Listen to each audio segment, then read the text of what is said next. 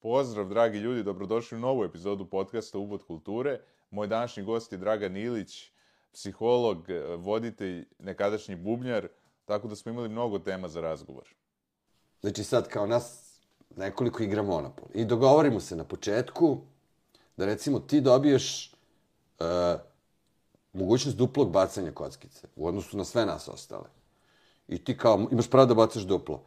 I Mm, dogovorimo se da ti, ne, ako staneš ono na zatvor, ne moraš da stojiš tu sledećih par bacanja. Za tebe neka pravila promenimo. I igramo. I sad ljudi su pratili kako izgleda ta, ta partija monopola sa, kad imaš jednog to kao privilegovanog igrača. I ljudi igraju, i znaš što se desi? Kao desi se, snimaju tog koji, je, koji dobija. Jer dobija zato što ima prednost. On počne se ponaša bahato. Počne da zeza drugi igrač.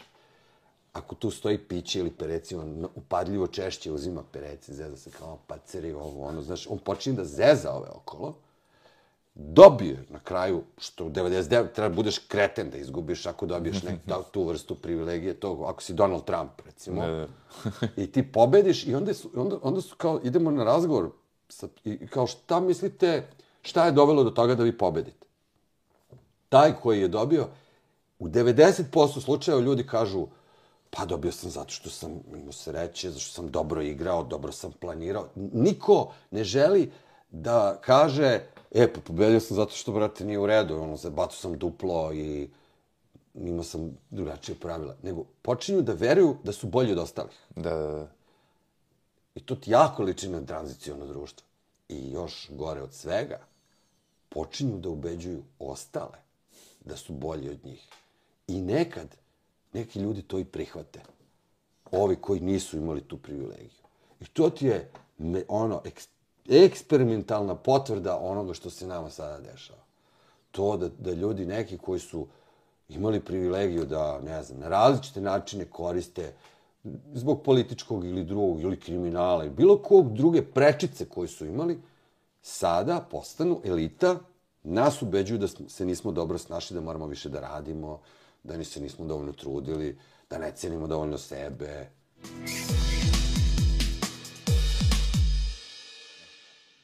Hteo bih se zahvalim Manchmelu zato što podržava i deli iste vrednosti kao i ja i hteo bih se zahvalim svima koji mu podržavaju preko Patreona i Paypala. Uživajte.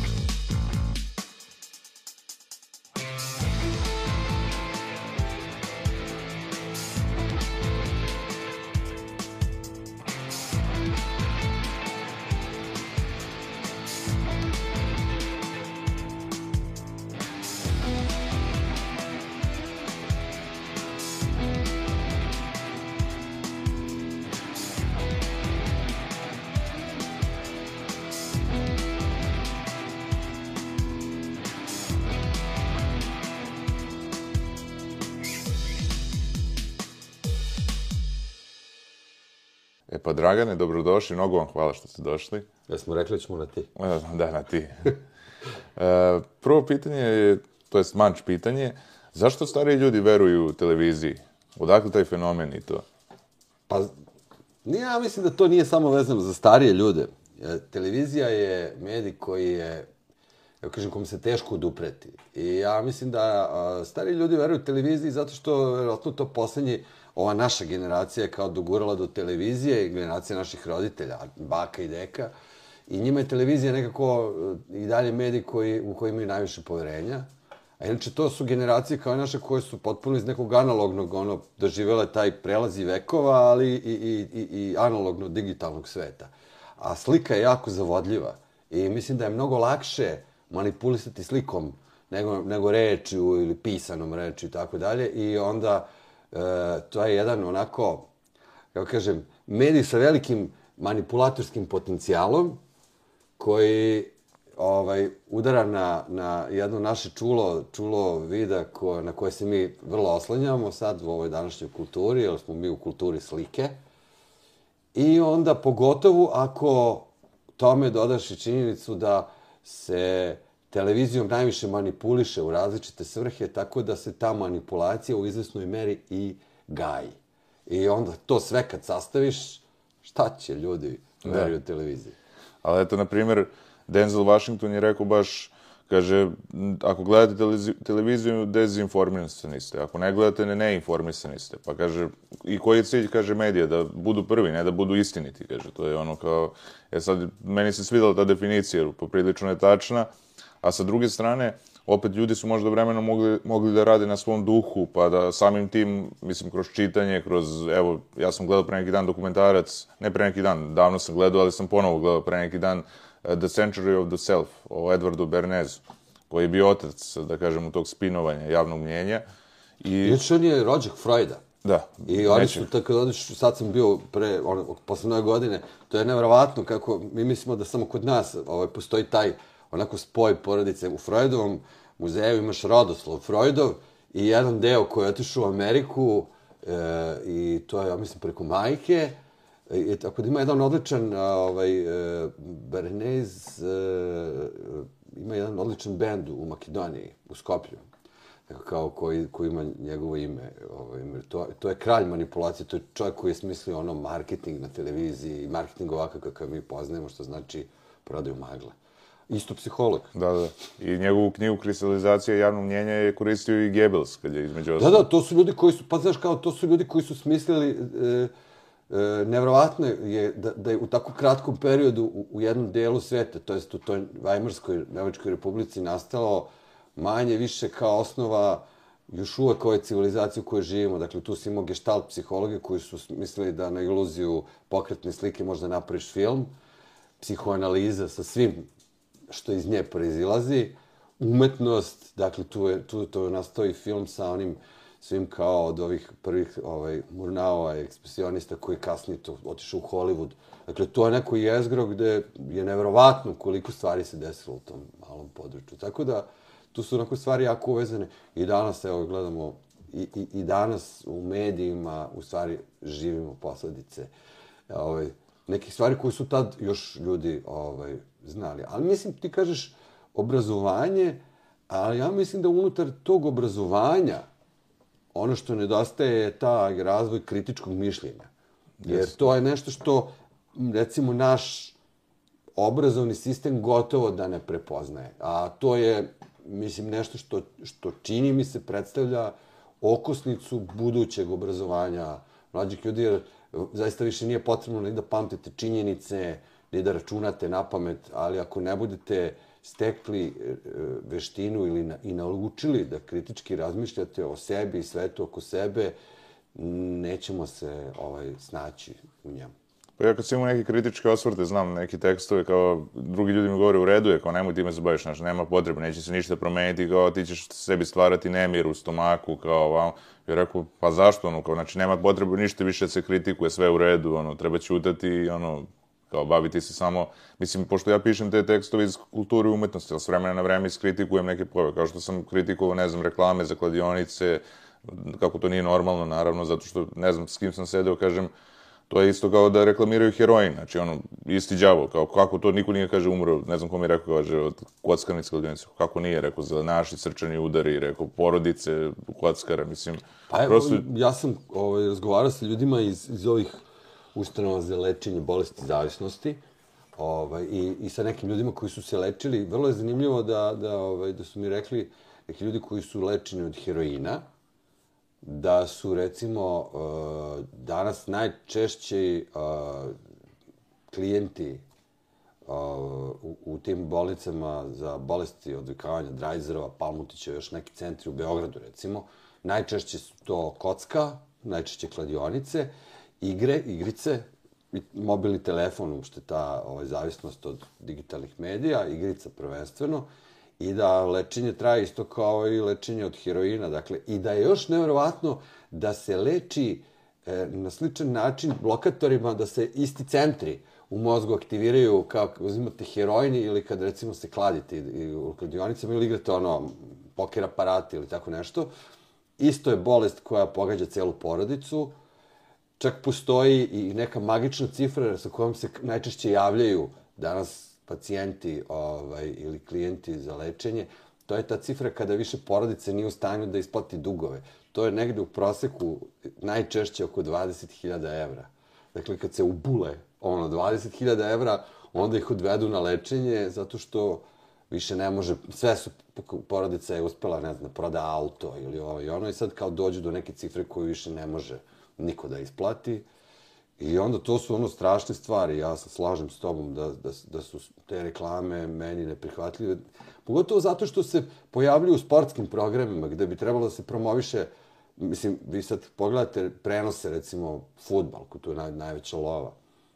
Promovišeš kao borbu protiv rasizma, prihvatanje drugačijeg ili drugih, e, toč, točite pivo bez alkohola, I onda ti se reklame za kladionice gde ono, celu porodicu odvedeš u propast, ono, i sebe i, i sve njih. Tako da, to stvarno nema smisla.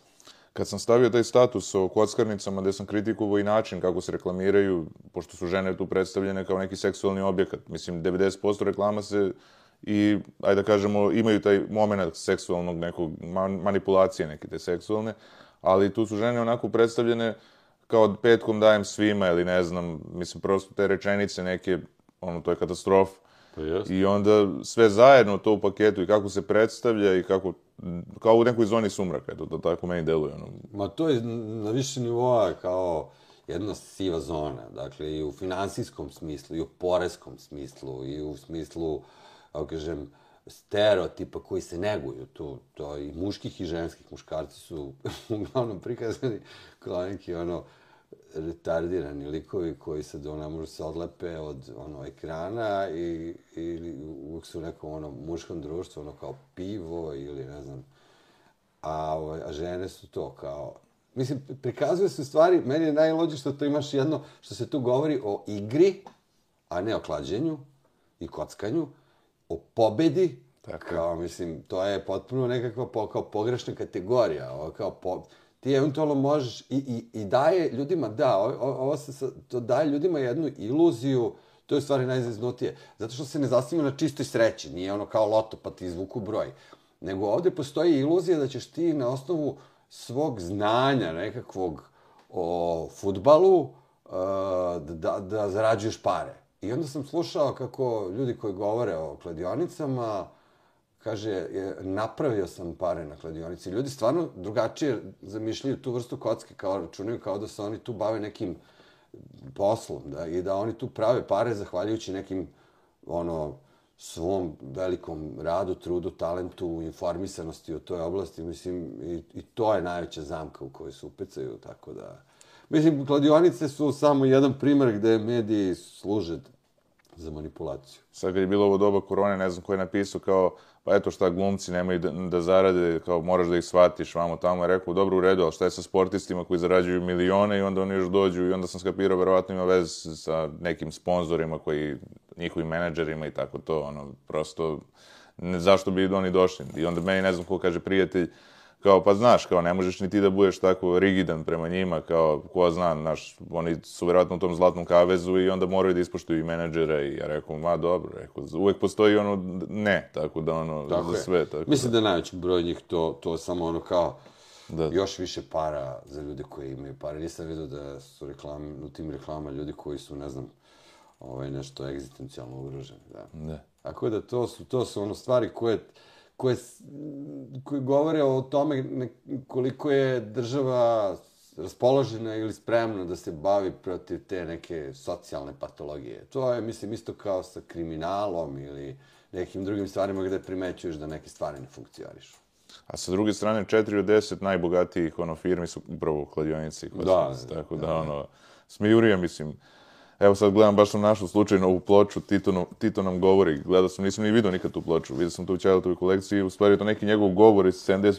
kao koji se Jeste, obraća. ja sam bio bibliotekar o, vojni i ovaj, e, među, među tim, o, kad sam bio u vojsci, među pločama su bili uvek, mi ovdje su objavljivali Titovi govori i postoji nekoliko istorijskih govora, ono, Titovih, jedan je taj fenomenalni, onaj iz Splita, 60 i neke godine, kad je on, ono, To ima i čak i snimak, onaj mi smo more krvi prvili za ovo brešno, da su jedinstvo i nećemo dozvoliti ga sada neko ugrožava.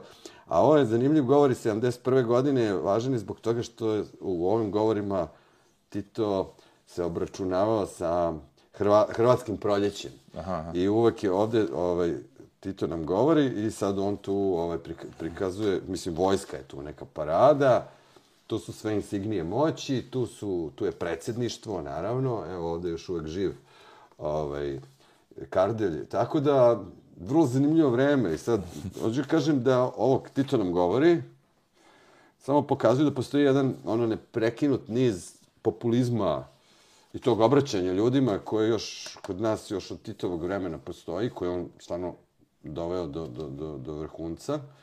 Nakon toga smo imali uvek kao nastavak preko slobe, u uzasnoj meri i, i možda, možda najmanje kod, kod Đinđića i kod Borisa Tadića, mada su se neke, neke stvari i tad mogle primetiti i na kraju, evo sad ovo današnje Da. sa Vučićem imamo, kako kažem, neprekinut niz, to je ono kao, samo Znači, dopiši, mada, znaš kao, možemo dosta da naučimo, slušajući te govore, i zato što onda to govori više i o nama. Da, da.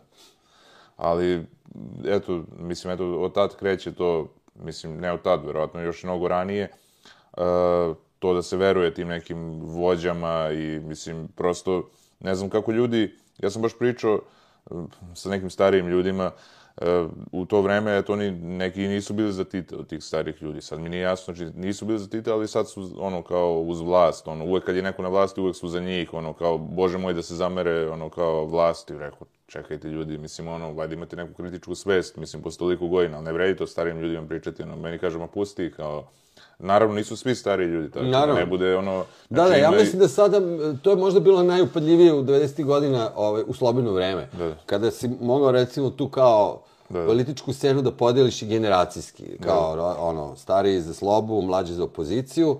Ali to se dosta promenilo. Ja mislim da su danas e, ove nove generacije na politiku, kao i na sve drugo, gledaju pragmatično.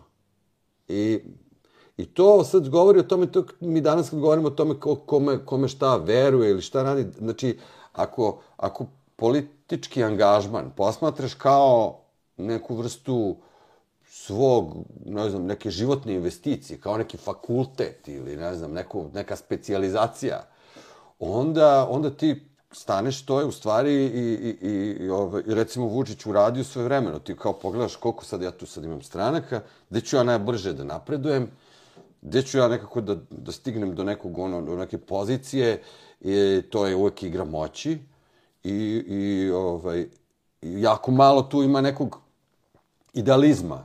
Da. Je, u, u suštini, kada pogledaš onako političke stranke i političke ovaj, život u nekoj zemlji jeste kao da neko zastupa tvoje interese.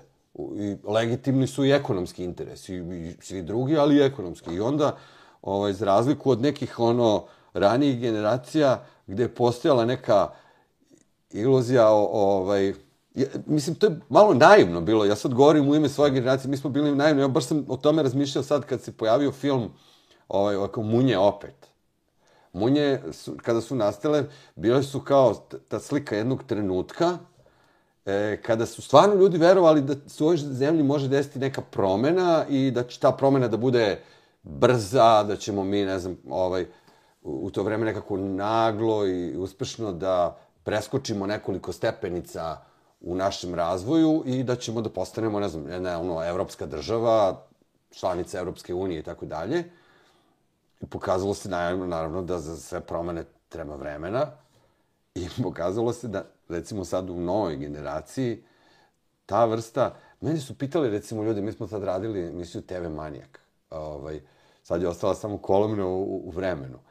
A onda su stvarno pitali ljudi kao, ja, pa šta ćete vi sad da radite, kao, neće na televiziji više biti gluposti, za, kao materijala za te. Ali stvarno su ljudi verovali, sad koliko god to bilo naivno, ja sam rekao, ljudi, stvarno mislite da neće. Ovaj, ali to je više bila jedna želja Tako je, da. da se poprave stvari, da, da, da kao televizija više ne bude trash, nego će sam tamo opet da budu neki fini, pametni, lepi ljudi, da neće biti trasha nikakvog i to. Da, će- ja sam stvarno, moja, svaka generacija ima pravo na tu iluziju. Ja sam stvarno pomislio posle 5. oktobra jedno nedelju dana. Sam pomislio stvarno da se nešto desilo i onda sam očekivao čak i na tom simboličnom nivou kao sad da vidimo kako će da izgledaju recimo sednice skupštine gradske ili sad ono, sad će poslanici da dolaze gradskim prevozom na sednice skupštine ili biciklom. Naravno, ja priznajem da je, da I evo, priznajem, sedam dana sam verovao da se stvarno nešto... I onda kad, kad vidiš, kad sam prvi put video ljude u limuzinama, bilo mi jasno da će teško ići ta promena, baš kao što smo mi nekako želeli, zamišljali, verovali. Ali to ne znači da nije dobro da imaš neki, da imaš nek, neki, neki, neku utopiju. Jasno je da, da stvari ne mogu da budu idealne, ali kao ako nemaš neku ideju šta želiš, recimo ako imaš ideju socijalne pravde, to znači da će ti smetati razlike u društvu. Neće to će ti prijatno kad vidiš da u jednoj zemlji imaš mnogo gladnih. Neće ti biti prijatno. A, ovaj, ako, ako, ne, ako nemaš ideju o tome da moguće da se napravi jedno pravednije društvo u kom neće biti gladnih. E sad, ako nemaš tu iluziju, ako si u fazonu kao danas možda kod pragmatične mlađe generacije, samo ja da se snađem i samo ja da maznim lovu, a baš me briga za ove okolo, onda ćeš ti verovatno to i da postigneš. Ali nećeš živeti u zemlji u kojoj, mislim, ja ne bih mogao da budem srećan u zemlji u kojoj su oko tebe ljudi gladni, a ja se kao snašao. Da. E, I to recimo, to, evo, na primjer, evo sad sam razgovarao sa svojim ovaj šurakom koji je bio na Zanzibaru iz Marke Žvake. Ovaj, dušani su bili tamo, sad to nije podcast, pa nije konkurencija. I sad on, oni su mi rekli sad imaš tamo crne ljude koji žive u Zanzibaru, uh, koji više nisu, nisu kolonija, ali njihov status se jako malo promenio. Oni dalje nemaju novce za žive u nekim ono kolibicama napravljenim od kartona, lima i, i drveta. Neki drugi ljudi su sad tu, nisu njihovi robovlasnici, ali su investitori. I to isto zvuči poznato. I oni prave te rezorte, dođu ljudi i recimo iz Srbije tamo imaš beli pesak zimi, kupaš se u okeanu, divnom, indijskom i to sve lepo. Ali samo ono malo ako hoćeš da vidiš ono preko ograde tog rezorta, vidit ćeš tamo su neki ljudi gladni. I sad, još uvek kod nas primećujemo te stvari. Ne, ili idu tamo ljudi da za male pare do, ovaj, budu sa lepim ženama i muškarcima, kao na Kubi. Da, da, I, to sam čuo i to sam se frapirao kad sam čuo da to je za, da, to je ta za res, ručak u restoranu spremne su... Da, samo... i sad, i sad, za nekog ko je na zapadu, ko je, ko je navikao da je život neka trgovina, to je transakcija. Sad, negde je ta roba jeftinija, negde je skuplja. Za nekog ko još uvek ima u sebi neko nasledđe, ajde kažem, socijalizma ili kako da ga nazovem, Tileta ili nekog vremena Tileta, nama to nije, tebi se malo želo da stisne. Pa jeste. Zato što ti nije sve jedno da vidiš neku devojčicu od 15 godina kako se prodaje za 10 dolara. I kažeš, brate, ovo nije u redu. Ali neko ko je došao, ne znam, tamo iz ono zapadne Evrope će da bude u fuzonu, mmm, ovo je jeftino. Da, da, da. Tako da, mislim, ta priča o idealizmu i veri i to kao, kao u što veruješ i da li, bez obzira na neke, na neke izneverene nade, ja mislim da nije loše da veruješ u neki ideal. Jasno ti je da on možda neće ovaj, biti takav 100%, ali kao to je neka stvar koju težiš. Ono, težiš društvu u kom će te razlike da budu manje, a ne kao danas. Ovaj, ne postoji ideologija nikakva, čini da, mi se. Postoji, ja mislim, ideja o nekim univerzalnim vrednostima, Tako ličnim i društvenim. Meni je Peca Popović, kada je bio gost, baš rekao, kaže, izgleda da su sada neke druge zvezde naklonjene nešto, da se promenio i položaj planete i kao više nisu to, nije ovo isto kao. I ja rekao, i meni je čudno zato što u principu bila je stvarno drugačija atmosfera i kad sam ja odrastao, to je isto rane 2000, to ja sam 90. godište, pa sam, za, mislim, eto, B92 baš, gde si ti radio, Ovaj, ja sam bio na emisiji Predreći, slučajno su me ovaj, intervjuisali, bio sam klijent, imao sam i danas. Čirilo? Da, da. da, da, da. da. On... A, kad došao na banjicu? Tako je. O, da, da, da, da. I ovaj, bilo je vrlo zanimljiva ta emisija i uopšte sadržaj B92 u to vreme meni se sviđao i tako to. Mada neki kažu evo da je bilo i elitizma i što i jeste, jeste na neki način jeste. zato što ovaj, možda ljudi da kažem ne da nisu shvatili iz Srbije, nego jednostavno više je bilo u Beogradu i... Mislim da je bilo više pocenjivanje. Ono, pocenjivanje, da, da, da. Zato što ja mislim da je ovaj... Ja, to je nešto što i meni smetalo. Tako da sam se ja trudio da onom što sam ja radio, turnejama buđenja, obraćanjem širem broju ljudi, E, jer sam shvatio da, da kao, mislim, to je isto kao, to su te predrasude kao da li će ljudi van Beograda da razumeju humor TV manijaka, kao sad kao da tamo negde žive neki kao glupi zaticani ljudi, dakle i to doba ono savremene komunikacije, to su gluposti. Ali dobro, ono što je postojala kao ideja iza toga jeste ide- ideja o nekoj modernoj evropskoj Srbiji koja je nekako dobila svoju medijsku predstavu. E sad ja više ne vidim tu vrstu, ovaj, kako kažem, u medijima ne vidim tu vrstu predstave, nego različite. Svako to sad vidi na svoj način. Neko vidi kao bolju platu, neko vidi kao bezvizni režim, neko vidi kao, ne znam, letovanje u nekoj od destinacija u Evropi. Ali dobro, meni se sve sviđao tad B92, mislim imao je sadržaj odličan i TV Manijak. E, Ja mislim, koliko je, tri godine bio na televiziji TV U televiziji bio tri godine, evo, no, novinama se zadržao najduže, a radijska emisija je išla od onih protesta 96. 97. pa do trenutka kad sam otišao, kad smo napravili svoju produkciju Gorica, to je 2010. Znači, 13 godina, 13-14 godina. Ja sam čak zakačio ono Sunđer Boba i crtani Da, da, program. da, tako je, pa dobro, to... Da, da. Ok, to kao kažem, imaš neko, ovaj, imaš neke onako kao poruke iz, mla, iz detinstva, sad vidjet ćemo kakve posledice ostavlja na Da, da. generaciju, znaš. Mada to, da kažem, to neko emotivno vezivanje za taj sadržaj iz detinstva, recimo uh, South Park, isto sam gledao na B92, sećam se, tako da on mnogo ima, za mene ima vrednost ta TV stanica, što se tiče tog nekog sadržaja. E sad, ovaj, ne znam, baš sam sa Vacom pričao, bila je i Vaca gošća, i ovaj, I ona je rekla kao, ja sam pričao kao, eto, bio je, ne znam, BK televizija je bila 90-ih isto sa crtačima odlična, mislim, ono, ja se sećam i Iznoguda i, ne znam, Alfred Jonathan Kvak i Kremenko i ne, ne znam šta je još bilo. Pa je posle bio B92 i onda sam teo da kažem, šta je bilo posle toga? Ovaj, znači, ne, ne sjećam se nešto kao Happy je trebao da bude dečija televizija, međutim, izgleda da nije. Da. Tako da, to je, to je trebalo posle toga da bude, tako da hoću da, da se nadovežem na onu priču o obrazovanju. Dakle, čak eto, televizija gubi tu funkciju. Da, da, ona je nju izgubila, izgubila da, odavno, da, ostale samo ovaj, zabava i... Ima, ima, pro, mislim, neka vrsta propagande. Samo to je ostalo. To mislim da je... Trebalo bi da ima one tri, informativna, edukativna i zabavna. Da, da, ne, ne, mislim, Sad ostala je sam samo, samo zabavna i, i ova prodajna. da. Bilo čega, ideja, ne znam, svega. A sad bi se možda malo osvrnuo i na tvoju karijeru. Ti si e, 94. počeo na BDS2 da radiš. Da. I diplomirani si psiholog, a sa druge strane svirao si bubnjeve. Tako Da, vrlo da, svirao sam, imao sam bendove, da. Pa evo sad sam roadie, sad pomažem, ono, oba sina nešto se, ono, sviraju i mnogo su uspešniji od mene u tome, ovaj, tako da, da se to nešto nastavilo, ali je to bila, bila, bila veza sa, sa cijelom jednom ono scenom i generacijom iz, iz ono, 90-ih godina, u to najmračnije vreme, mislim da je ono kao muzika puno pomogla.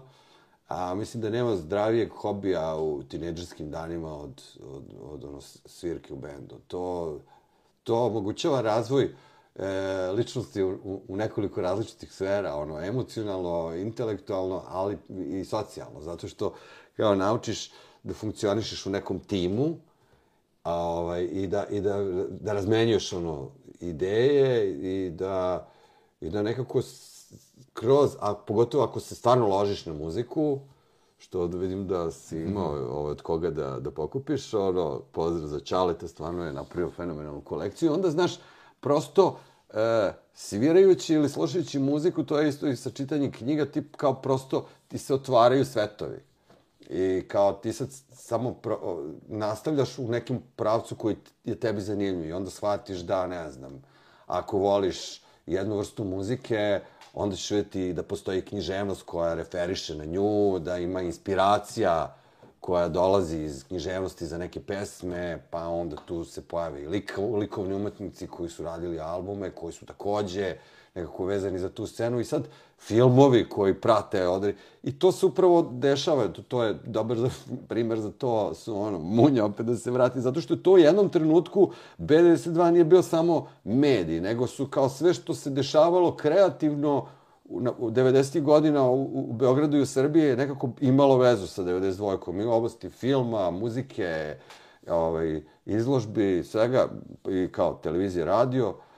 E, tako je sa, sa, ovaj, sa muzikom. A kreneš tako što kao skupe se ono, klinci i naprave band. I onda to kao vaše zajedničko odrastanje i sazrevanje ne, oblikuje i ta muzika. i mnogo je bolje nego teretana.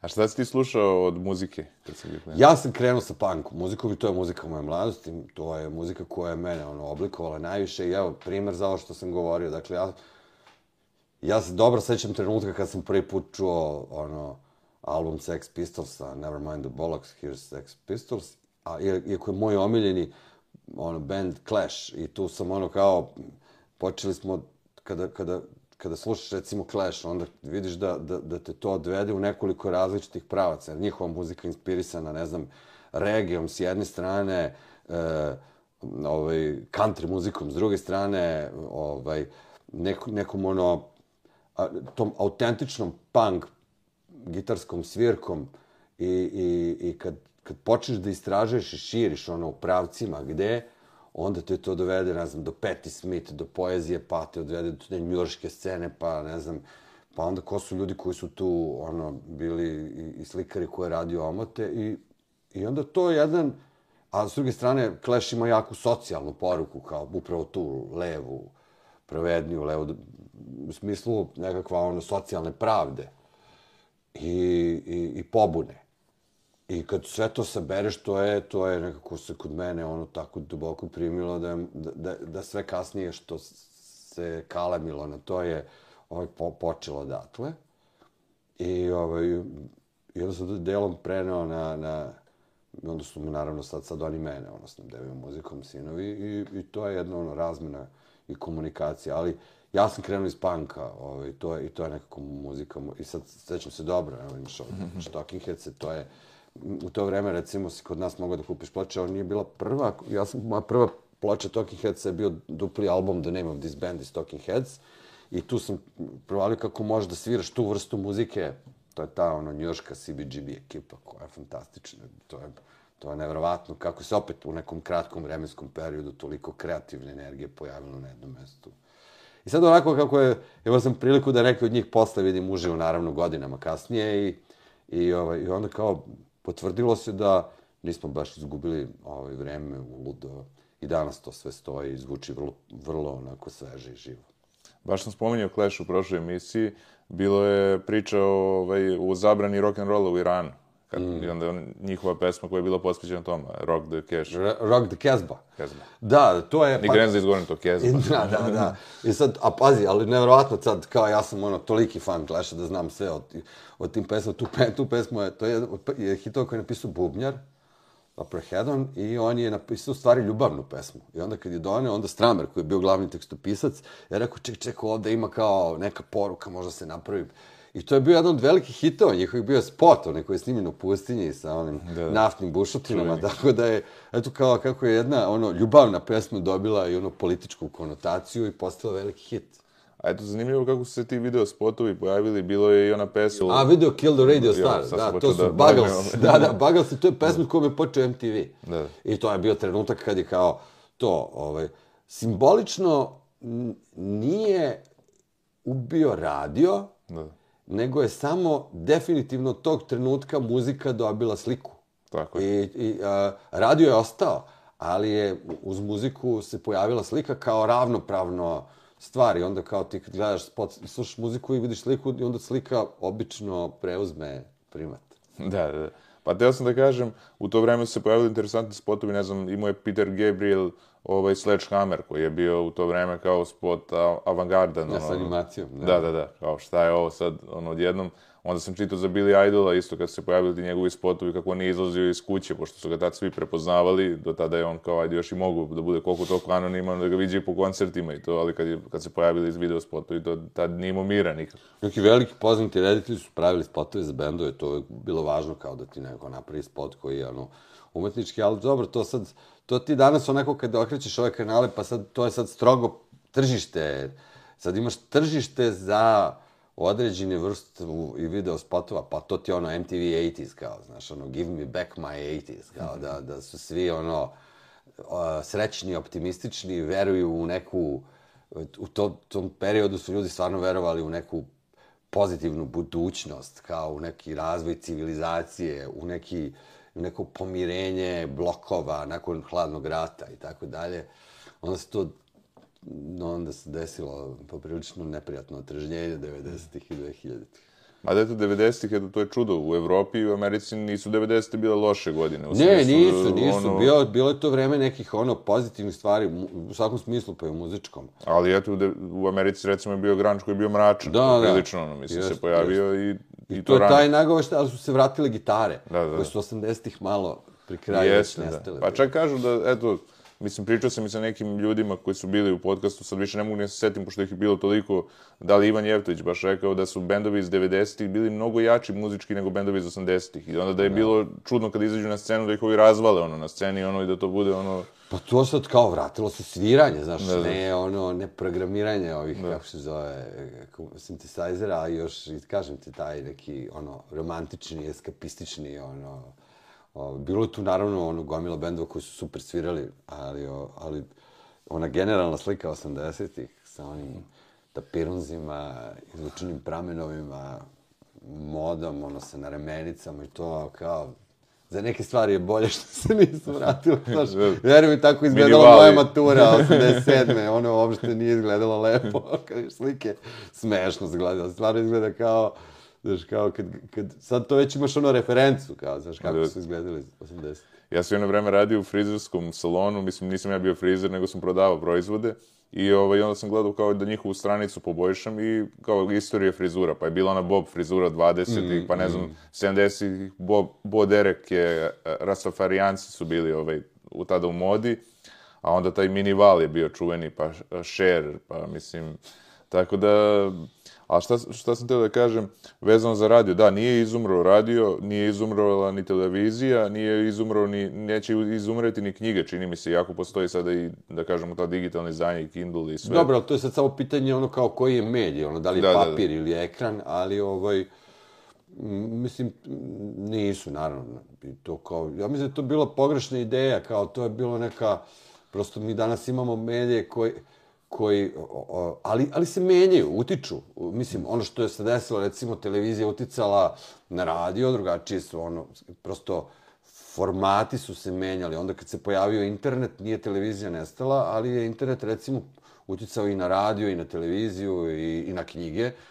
Recimo, mi smo na radiju dobili mogućnost da nas ljudi prvo slušaju preko interneta, što je fenomenalno, više ne zavisiš od opet kao 92. šuštanje signala, ometanje, ne znam, na drugo se mnogo manje novca možeš pokreneš web radio, e, postoje teh, tehnologija je postala pristupačnija i ovaj, to isto naravno onda uticalo i na, i na način komunikacije. Sad nama je internet način na koji u sekundi dobijamo feedback od slušalaca.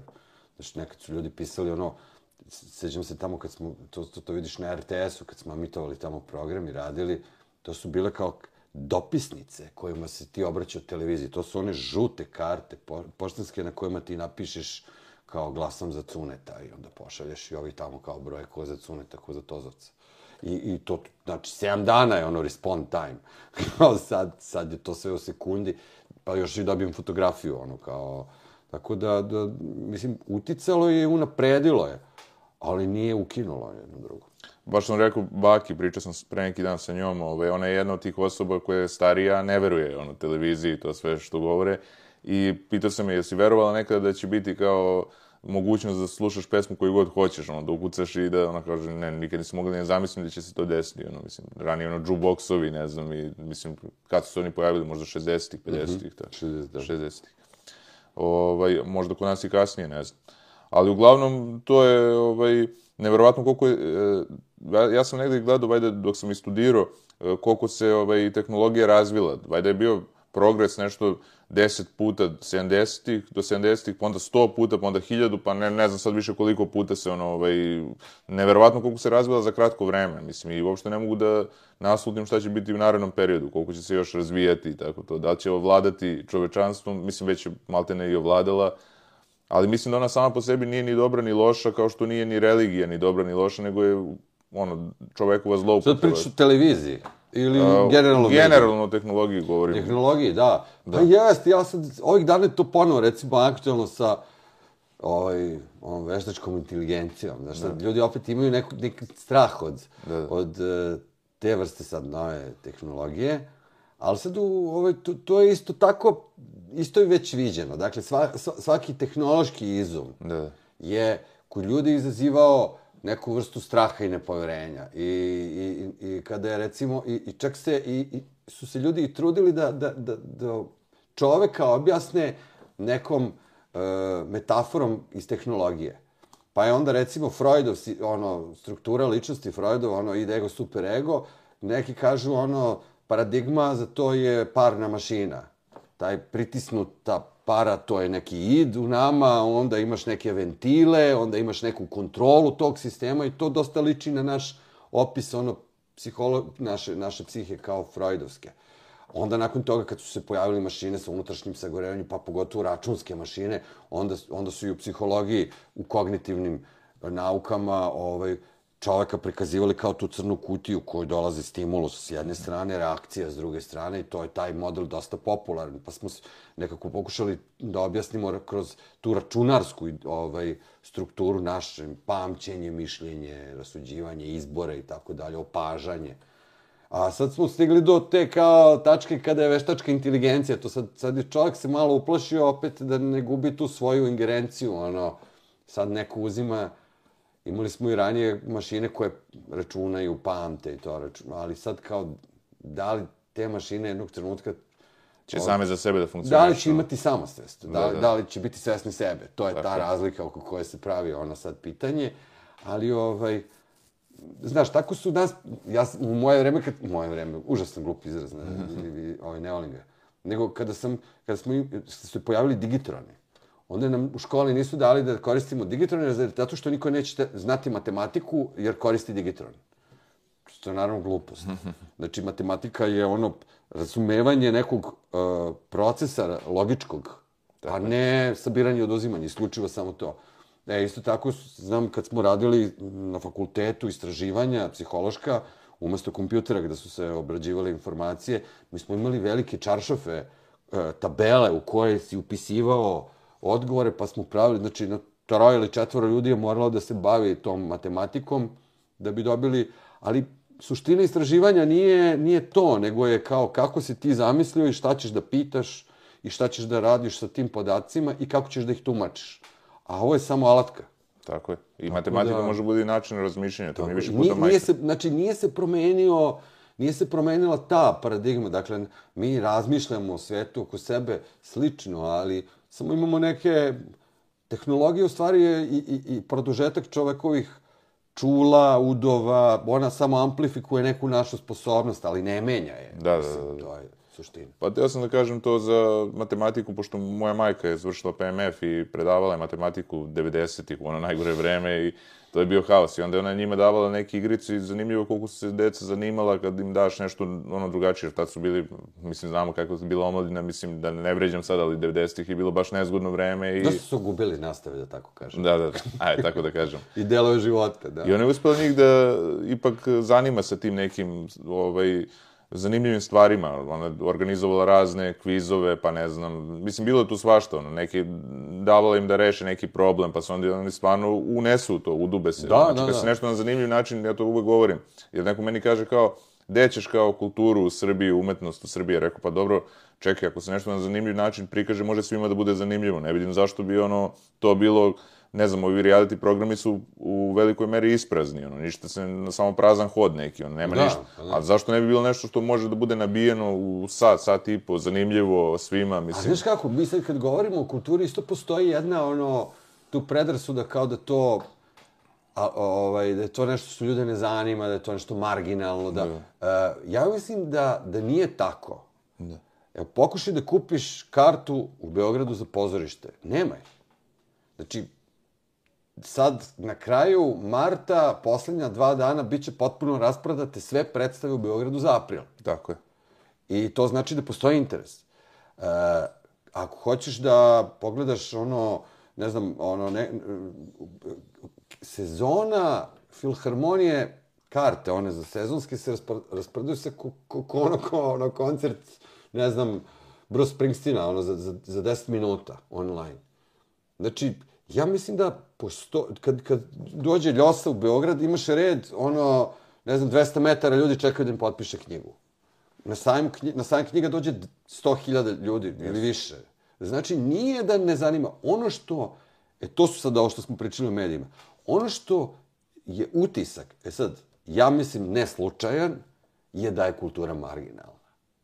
Ona zapravo to nije, ali nje, e, ogromna je razlika između interesa, broja ljudi koji tamo ono odlaze i koji pokazuju ne, ne, ne, neko, nešto ih tu zanima i toga šta, svega toga ti vidiš u medijima.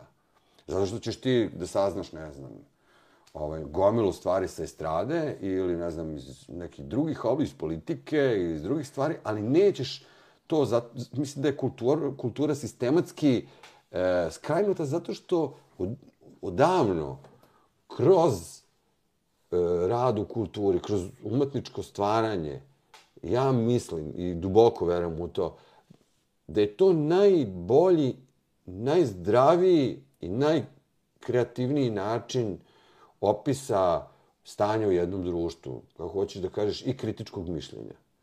Dakle, može da ti se pojavi neki političar koji će sad na dnevniku sat vremena da priča o tome kakav je, kakvo je sad stanje, šta ne valja, šta da se popravi. Ako neko snimi film na tu temu i prikaže život jedne porodice danas u Srbiji u dva sata, to je za mene mnogo jača poruka od nekog političara za kog ti ono pitaš, čekaj, što to ovaj priča, jel on ima neki interes da on sad dođe na vlast ili ne znam šta, i da li će onda stvarno nešto da se promeni ili će samo se promene kao ljudi, ali sistem neće. E, mislim da kroz kulturu, ako pročitaš knjigu, pogledaš film, vidiš predstavu, ovaj, to je, i toga je svaka vlast svesna.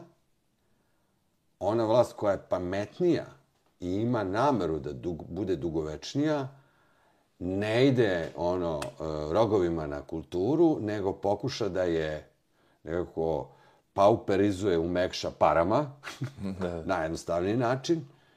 I evo, to je odličan primjer druga Tita. Dakle, drug Tito je, po, po, mislim, mi sad ono pričamo o disidentima iz Titovog doba. Disidenti iz Titovog doba su radili na televiziji, dobili stanove, imali jedan prilično, imali mogućnost da snimaju, osim par izuzetaka, stvarno kad je direktno bio Tito, ono, kao tema, mislim da nismo ni sad daleko od toga, da, ti, da, da ćeš ti sad, sad se to zove, ne zove se više kultura, nego kreativna industrija, znači izgubila je i taj kao, ja, ja mrzim taj izraz, kreativna industrija je, jer onda se na više nivoa e, vrlo onako, kao, kad kažeš kreativna industrija, znači to je nešto što treba da zarađuje pare, treba bude komercijalno, e, kupuje se i prodaje se, stvara se sa namerom neke proizvodnje, a nekako mi uz, uz neku, to je kod da kažeš proizvodnja dece. Mislim, kao da je borba protiv bele kuge proizvodnja dece. Tako da, mislim, kad, kad staviš kult, umjesto kultura kreativna industrija, e onda tu dobijaš ono odrešene ruke. I to nije samo u Srbiji, to je globalan fenomen. Ono, sad, mi ćemo dobijemo nešto čime ćemo moći da trgujemo, nešto što ima neku materijalnu vrednost. Tako da, ovaj, ne kažem da umetnici treba budu ono gladni, da um, umru od gladi pa posle smrti postanu poznati, nego samo da kažem da se time diskredituje čin stvaranja nekog umetničkog, a što je neka potreba u čoveku, a ne ideja, idem ja sad da Mislim, bilo i toga, naravno, imaš i Gorhola i druge primere, ali kreativna industrija, umesto kultura, to je to. I mislim da kulture ima, ali je držimo tu nekako sa strane i ne damo baš nekako previše. Jer to je isto ko sa obrazovanjem. Kao nije na ceni obrazovanje, pa ako nije na ceni, što onda ovi kupuju doktorske diplome? pa da, logično pitanje. Mislim, što bolje da kupiš, onda bolje kupi auto. Kupi da, da. sliku, neč, ne, ili kupi kuću još jednu ili ne znam šta. Ali ne, ne, jako je važno. Jako je važno čovjeku koji ima 26 stanova da ima i doktorsku diplomu. Pritom je ono, mislim, on čovjek koji verovatno tu, taj doktorski rad i mogo da napiše, govorim sad o ministru financija, ali ga je mrzilo. I to je ono, znači, to se kao mogu. Znaš. Tako da, mislim, e, mediji svesno neke, neke, neke oblasti našeg društva marginalizuju, a nije tako. Da. I, ali, kad, i kad izum, izumre neka civilizacija, ono što ostane zove se kulturno nasljeđe, na iskupine koje se nađu. Da, to nam dokazuje da je u stvari kultura možda i najvažnija. Ono, kad... To je ono što nas nekako određuje. Određuje, da. I teo sam da kažem, apropo toga, eh, evo recimo sad, baš to mi bilo smešno, pričali smo o kockarnicama, ja sam vidio da je kockarnica sponsor jednog ovaj pozorišta, ne kažem kog, ono, mislim, jednog od jačih pozorišta, i to mi je bilo neverovatno. Onda i u zdravstvu se pojavilo kao da su sponzori i za, za zdravlje, mislim, dete. Pa onda sam vidio u TV emisiji kod jednog vojitelja koji promoviše polu svet, nema veze na kojoj televiziji, ništa, da mu je sponsor i kladionica i kao leč, lečenje od zavisnosti. Jedno za drugim ide. Ja rekao, ja, šta je ovo? Rekao, je li To ti je na Pinku, ma da, da, znam, znam, tačno čemu pričaš, to sam onog pisao mnogo puta, ali kao, da, znaš, to je, znaš, ovaj, to je, a, pazi, to, to samo, znaš, kad kažeš igre na sreću, onda to, to meni to zastrašujuće, zastrašujuće zvuči, zato što ako, ako to postane zamena za kulturu i to postane neka paradigma, to onda znači da, da kao zamišljam neku Srbiju u budućnosti u kojoj će sve da bude kao zasnovano ne na tvom radu, ne na tvoje pameti, nego na sreći. Onda ono kao u onim filmovima iz budućnosti, ono, distopija neka u kojoj ćemo, eto, ako, ako si ako si izvučen i ako si pogodio broj, živećeš, ne znam, to kao malo bolje, ako nisi, onda si gubitnik. I to, cela ideja u kojoj ljude deliš na gubitnike i dobitnike je to ideja kladionice i ne. to je jeste ideja tranzicionog društva. Neko se snašao, neko nije. Ima jedan super kao sad da ne ispadnemo ono psiholog koji priča slobodno me prekini, ali ima jedno psiholo, psihološki, psihološki eksperimenti su često izvor raznih ono boleština, između ostalog i tih reality programa, to su sve eksperimenti socijalne psihologije. Ali ima jedan fenomenalan e, eksperiment, opisao ga je ovaj Piquet, Toma Piquet, onom Kapital 20. 21. veka. A, to, ta, ta eksperiment se zove uh, eksperiment Monopol. Znači sad kao nas nekoliko igra Monopol. I dogovorimo se na početku da recimo ti dobiješ uh, mogućnost duplog bacanja kockice u odnosu na sve nas ostale. I ti kao imaš pravo da bacaš duplo. I Mm, dogovorimo se da ti, ne, ako staneš ono na zatvor, ne moraš da stojiš tu sledećih par bacanja. Za tebe neka pravila promenimo. I igramo. I sad ljudi su pratili kako izgleda ta, ta partija monopola sa, kad imaš jednog to kao privilegovanog igrača. I ljudi igraju, i znaš što se desi? Kao desi se, snimaju tog koji, je, koji dobija. Jer dobija zato što ima prednost on počne da se ponaša bahato. Počne da zeza drugi igrač. Ako tu stoji piće ili pereci, on upadljivo češće uzima pereci, zeza se kao paceri, ovo, ono, znaš, on počne da zeza ove okolo, dobije na kraju, što u 99 treba budeš kreten da izgubiš ako dobiješ nek, da, tu vrstu privilegije, to, ako si Donald Trump, recimo, ne, ne. i ti pobediš i onda su, onda, onda su kao, idemo na razgovor, sa, i kao šta mislite, šta je dovelo do toga da vi pobedite? Taj koji je dobio, u 90% slučajeva ljudi kažu pa dobio sam zato što sam imao sreće, zato što sam dobro igrao, dobro sam planirao. Niko ne želi da kaže, e, pa pobedio sam zato što, brate, nije u redu, ono, zabacio sam duplo i imao sam drugačije pravila. Nego počinju da veruju da su bolji od ostalih. Da, da, da. I to ti jako liči na tranzicijono društvo. I još gore od svega, počinju da ubeđuju ostale da su bolji od njih. I nekad neki ljudi to i prihvate. Ovi koji nisu imali tu privilegiju. I to ti je me, ono eks, eksperimentalna potvrda onoga što se nama sada dešava. To da, da ljudi neki koji su imali privilegiju da, ne znam, na različite načine koriste zbog političkog ili drugog ili kriminala ili bilo kog druge prečice koje su imali, sada postanu elita nas ubeđuju da se nismo dobro snašli, da moramo više da radimo, da ni se nismo dovoljno trudili, da ne cenimo dovoljno sebe. Evo, to ti je sad primjer ovaj Macron, to mi je podmano fascinantno. Sad spremam to za sledeću, za emisiju, ovaj, imaš scenu sad kao u Francuskoj, Macron sprovodi neke jezive reforme, ukida ljudima prava, ono, koja su stečena, ono, radničkom borbom decenijama. I pojavi se na televiziji državnoj, intervjuše ga ovaj, par novinara, novinarka i novinar, i on priča o tome kako treba ljudi da shvate da je situacija teška, nema se, i ovo i ono, i on priča, priča, priča, i vidiš u jednom trenutku neko ko je vispren, mu kaže da on je ono modelo, inače on ti je ono maneken najbogatijeg dela Francuske. Tako je. I s njime da on ima sat koji vredi 80.000 evra dok to priča. I on priča, priča i ovako gurne ruke dole ispod i vidiš sledeći, nema sata. Neko mu je rekao kao, nema, Da, nije u redu, znaš. Da, da, da.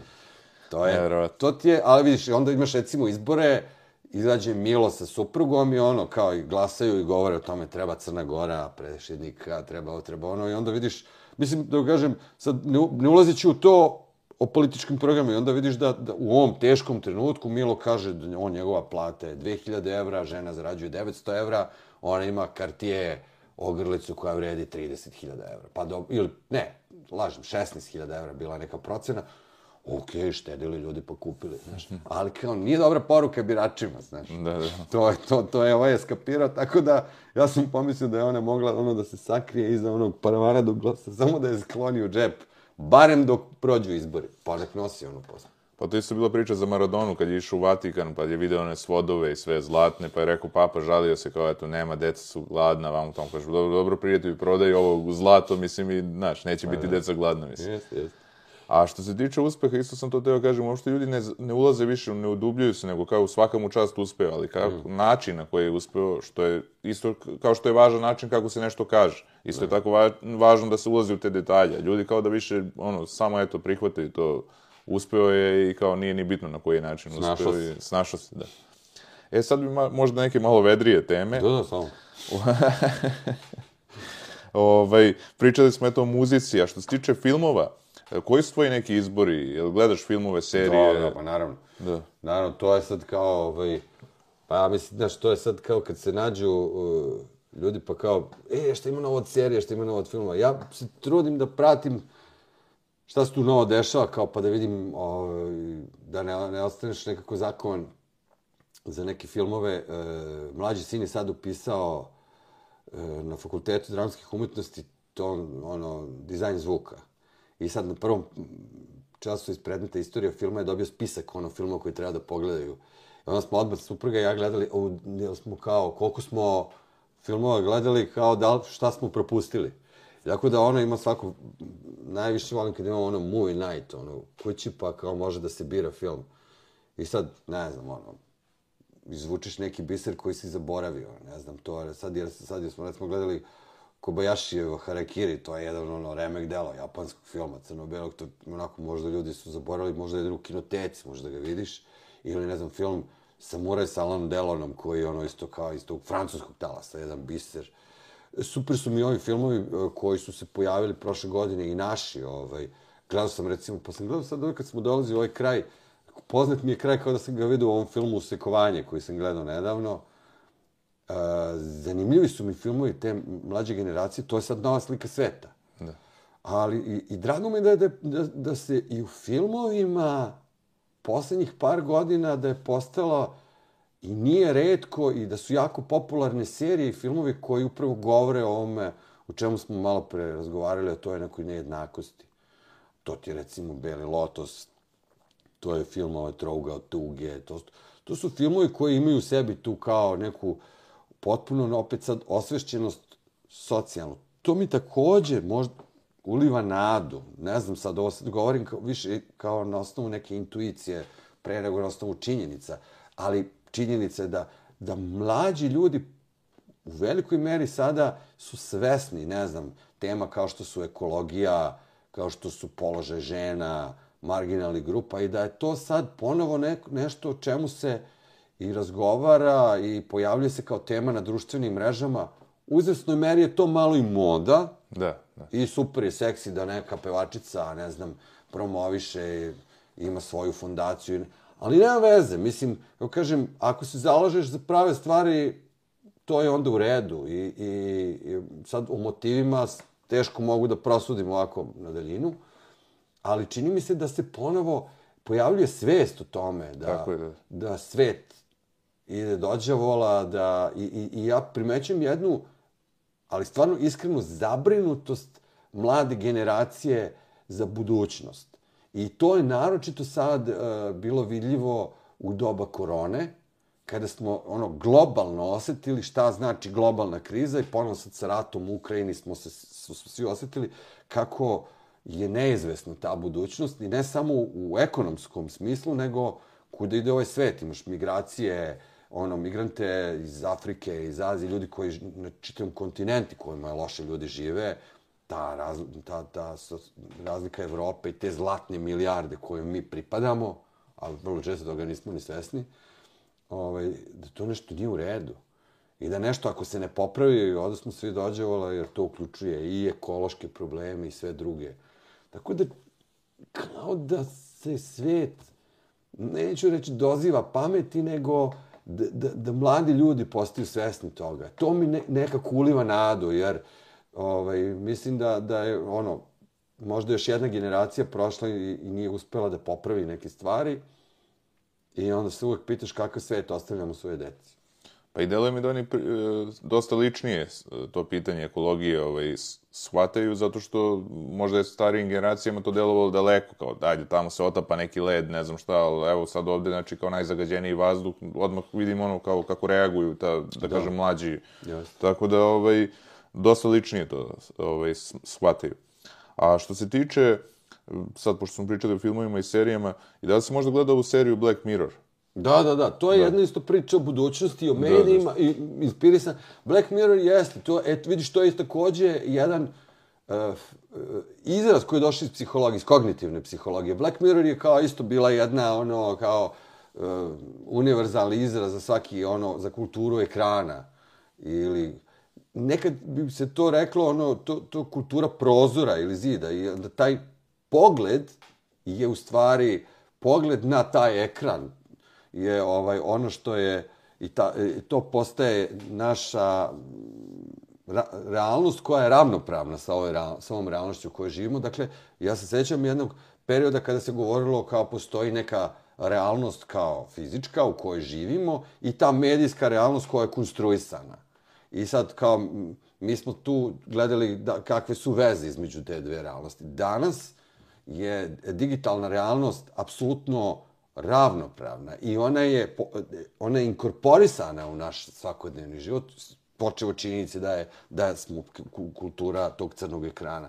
I to sad više nisu neke dve, naša generacija još uvek imala dva moda rada, kao sad idem, ono, radim na računaru, pogledam na mobilni telefon, pa se onda kao vratim u realnost. Mislim da sad to više ne postoji, da je to sve jedna celina. Da. I zato je potrebno ono što to mi je recimo bilo zanimljivo u tom, tim projektima sam učestvovao o digitalnoj pismenosti i medijskoj pismenosti. Znači, danas je digitalna i medijska pismenost jednako važna kao i ova ova koju naučiš kad naučiš da čitaš i da pišeš. I bez nje ljudi neće moći da se snađu u realnosti. Sad to malo nekad kod nas zabija komične razmere. Mi imamo e-upravu, e, e sanduče, samo nemamo negde e-kanalizaciju, znaš to, ili e-vodovod. To je. Ali da sam da kažem isto da postoji, evo to smo videli u seriji, meni je najstrašnije ono ideja o tome da se čuva svest na hard disku kao ovaj, ljudska, mislim, deluje strašno ovako, ono, kao zamisli. Pa da, ali to imaš ono još u onom uh, Anderson filmu Do kraja sveta. Da. Gde da. je kao ta cela ideja bila u začetku, jer, su, jer to, to je sad opet kao nastalo u vreme kada su, kada su, kada je recimo u psihologiju proučavanje procesa mišljenja, pamćenja uključena ovaj, bila ona magnetna rezonanca da smo mogli da vidimo kako funkcioniše mozak, odnosno gde se nalaze koji centri. Ovaj, I onda, inspirisan tim istraživanjima, čovjek je napravio film gde je kao samo ovaj, u nekoj, a sad je to već sad, sadašnjost, da, da, da ti danas možeš da, da, ti danas možeš recimo da popraviš nekom sluh pomoću implanta koji je da. ovaj digitalan. Tako da, ta, ta realnost je stigla, da. da. Ali to je dobar primjer upotrebe, da kažem. Yes. Recimo, medicina koliko je napredovala, isto ja kažem, znači ne kritikujem onu tehnologiju ukupno, znači ima tu stvarno neke stvari koje su napredovale i za dobrobit čovečanstva, ali I, mislim, apropo ovoga, i pre Wendersa je bila zona sumraka još 60-ih, no. to je, mislim... Da, teo sam se vratiti na ovu priču što se tiče zalaganja e, prava žena, ne znam, prava muškaraca, sad lupam. Ali, ovaj, hoću da kažem, recimo, meni se dešavalo na stranici, ja stavim biografiju Steve McQueena, da je on izjavio za svoju majku, deo iz njegove biografije, da je izjavio za svoju majku da je bila kurva jer ga ostavila kad je imao, ne znam, 5-6 godina i bila je prostitutka i ne znam šta. I onda mi neka žena se javi i kaže, u vašim kao tekstovima s vremena na vreme kao provejava kao mizogenistički stav. Mm -hmm. Rekao, aha, tu smo. I doći joj kažem, ide su u neku Dobro, kraju... ako tvoja namera nije bila da, Da, da. ovaj, radi žene, ta, to pitanje konteksta u, u, u digitalnim medijima danas je jako važno i ono, znači, ti sad stvarno možeš, a, ako, ako stvarno tvoja, pretpostavljam da nije bila namera da vređa žene, nego to da, da govoriš o Steve McQueenu, ne znam šta je bila namera, ali, ali ideja je da... Ma bila je namera da se osvrnem na život Steve McQueena jer je bila godišnjica njegovog rođenja. I sad onda sam stavio tekst o Steve McQueenu da bi ljudi shvatili odakle je on došao uopšte, pošto je on postao filmska zvezda, bio je, ja sam napisao, žena je rekla, kao vi ste trebali, ja rekao šta treba da menjam biografiju, to, to sam i napisao, ona kaže, ne, vi trebate da se kao napravite kritički osvrt na to. Ja rekao, jer sam ja napisao tekstu, ja sam ju ono citirao, bio je propalica, bio je nasilnik i bio je ne znam šta, za Steve McQueena. Ko bi rekao da je kraj kako su ga zvali, ono, da je bio kuler i tako to, ovaj, ko bi, ko bi rekao da je bio propalica, gubitnik i ne znam šta, ono, je rekao je to dovoljno, mislim, šta treba vređan čoveka sad, ono, kroz čitav tekst, mislim, ne razumem, to je ono što smo pričali, kao, ali ba, da, znaš kao, ono, kao da... digitalni mediji imaju to, kao imaš mogućnost ono kao, ok, ako abstrahuješ ono da, da, da ljudi vole da ono hejtuju zbog hejta, a, ovaj, ali s druge strane, kad, to je recimo dobar korektivni faktor. Ja kad se desi da imaš neki, e, neku, re- neku, kako kažem, neki, neki komentar, onda sam, u, stvari, pitam se da li sam dovoljno jasno rekao to što sam hteo da kažem. To mi je znak da, da, mo, da, da, se ja možda nisam dobro izrazio. Tako. I ako je potrebno da, da kako kažem, da neku stvar preformulišeš, to je ono kao, ne da bi rekao, e, da bi promenio mišljenje, nego da bih rekao na način da, da bi ljudima bilo jasno šta sam htio da kažem. To, to, to, se, to, se, to je neka vežba uma koju sam ono vežba 20 godina, više od 20 godina u vremenu, kad imaš ograničen prostor i sad treba da, da, da, ne, da se baviš recimo nekim fenomenom, uglavnom iz medija, i sad neki ljudi kao pomisle da, znaš, ako, ako te neko pogrešno shvatio, dobro, možda je jedno, ali ako imaš više ljudi koji te nisu dobro razumeli, onda je problem u tebi, nisi dobro izrazio. I sad kao, ako imaš, ako nemaš problem s tim, da sebi kažeš, je, ovo možda sam mogao ovo bolje da napišem, da ljudi razumiju šta sam hteo da kažem, onda to sve ima smisla, znaš. Ali meni je ovo bio dobar primjer zato što samo s A, jedna žena. dobro, sad, ali postoji naravno i ono kao, znaš, ti, mi smo pravili eksperimente, možda imaš ljude koji će ti, da ti stavljaju negativan komentar šta god stavljaju. Da, da, da, da. Prosto neki ljudi u tome vide svoj, ono... kako Meni kažem, se dešavalo to s vremena na vreme, baš ono, i baš, baš sam se zapitao da li je nešto problem u mojim tekstovima i gledao sam ono... Ja se zapitam da li nešto drugačije mogu da Da. kažem. Sad, a, i uvek je naravno, to, to je sad, to, to je konstantna opasnost kad recimo pišeš o televiziji. Da. I sad, a, ne znam, pojavi se neka serija, ja nešto napišem o njoj, i sad ne kažu ljudi, a, pa nije to ta, ili kao previše si ispljivo, ili kao, e, ili si previše nahvalio i tako dalje. E, kada pišeš o nečemu, ono, ajde kao, bar to, to me naučila, ono, kao su me naučile studije psihologije, kao, ne pišem te tekstove ili nije bila ideja da budu kao, sviđa mi se, ne sviđa mi se. Možda bude glupa serija, ima lep glumac ili glumica, pa gledaš ono kao super ti je da vidiš njega ili nju. Ovaj, dakle, ako, ako nije kategorija sviđa mi se ili ne sviđa mi se, praviš tekst o nečemu, onda pišeš na, na način da, ili, e, da, da vidiš šta je to što, što ti se dopada, šta ne, šta je u nekom odnosu sa nekim trendovima u svetu, šta nije, šta je delo arhaično. I mislim da tu ono nema, nema crno-bele stvari. Ako bismo pisali tekstove na sviđa mi se ili ne, ne sviđa mi se, onda bi kao došao do nekog jako uskog, ono, to, to je problem današnje komunikacije, to je komunikacija like, dislike. Znaš, a, a, ako, ako smo mi našu komunikaciju podredili toj binarnoj šemi, svet je mnogo složeniji i lepši od ono like dislike. Znaš, Jeste, ono, i, i, I u nečemu što ti se dopada, možda ćeš ima nešto što, što ti nije okej, okay, što bi mogao da promeniš ili što ti se manje ili više sviđa. I ja kažem ovaj, da je, znaš, kao tužno je da smo naše socijalne odnose sveli mm, zahvaljujući društvenim mrežama na te neke binarne e, leksikone.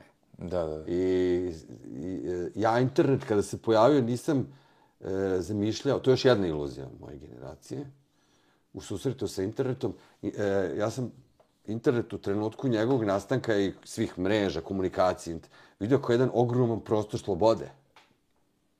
I vremenom, za ovih, ne znam, dvadesetak i više godina, e, taj prostor slobode je vrlo perfidno počeo da se sužava. Dakle. Ili da te ograniče brojem fontova, ili da te ograniče slikom, ili da ti, recimo, kada smo pravili sajtove, recimo MySpace je izgledao potpuno tako što si ti mogao da napraviš sajt prema svojoj želji. I kakav ti je font, i gde ti je klik, gde ti je, ne, zašto mora krajnje da... I s vremenom smo počeli da to sve više i više, ono, formalizujemo i na kraju dolaziš do, za mene ta najporažavajuća, ono, na kraju dolaziš do, do Facebook stranice koja ima tvoju sliku, ima tri podatka o tebi, eventualno to kao, ili ne mora ni toliko, i I to je kao kad smo bili mali, pa kao, ono, imaš simpatiju, da ili ne. I, ono, i sad kao, ceo svet međusobnih odnosa, ljudskih, ono, prijateljstva, ljubavi, ne znam, svega, a pa i mržnje, si kao sve ono like, dislike, e, ili, ne znam, ono, odgovore u nekom formalizovanom obliku. Kao da jedni drugima šaljemo, znaš, one tipske poruke iz telefona na sastanku sam zovem te za pet minuta.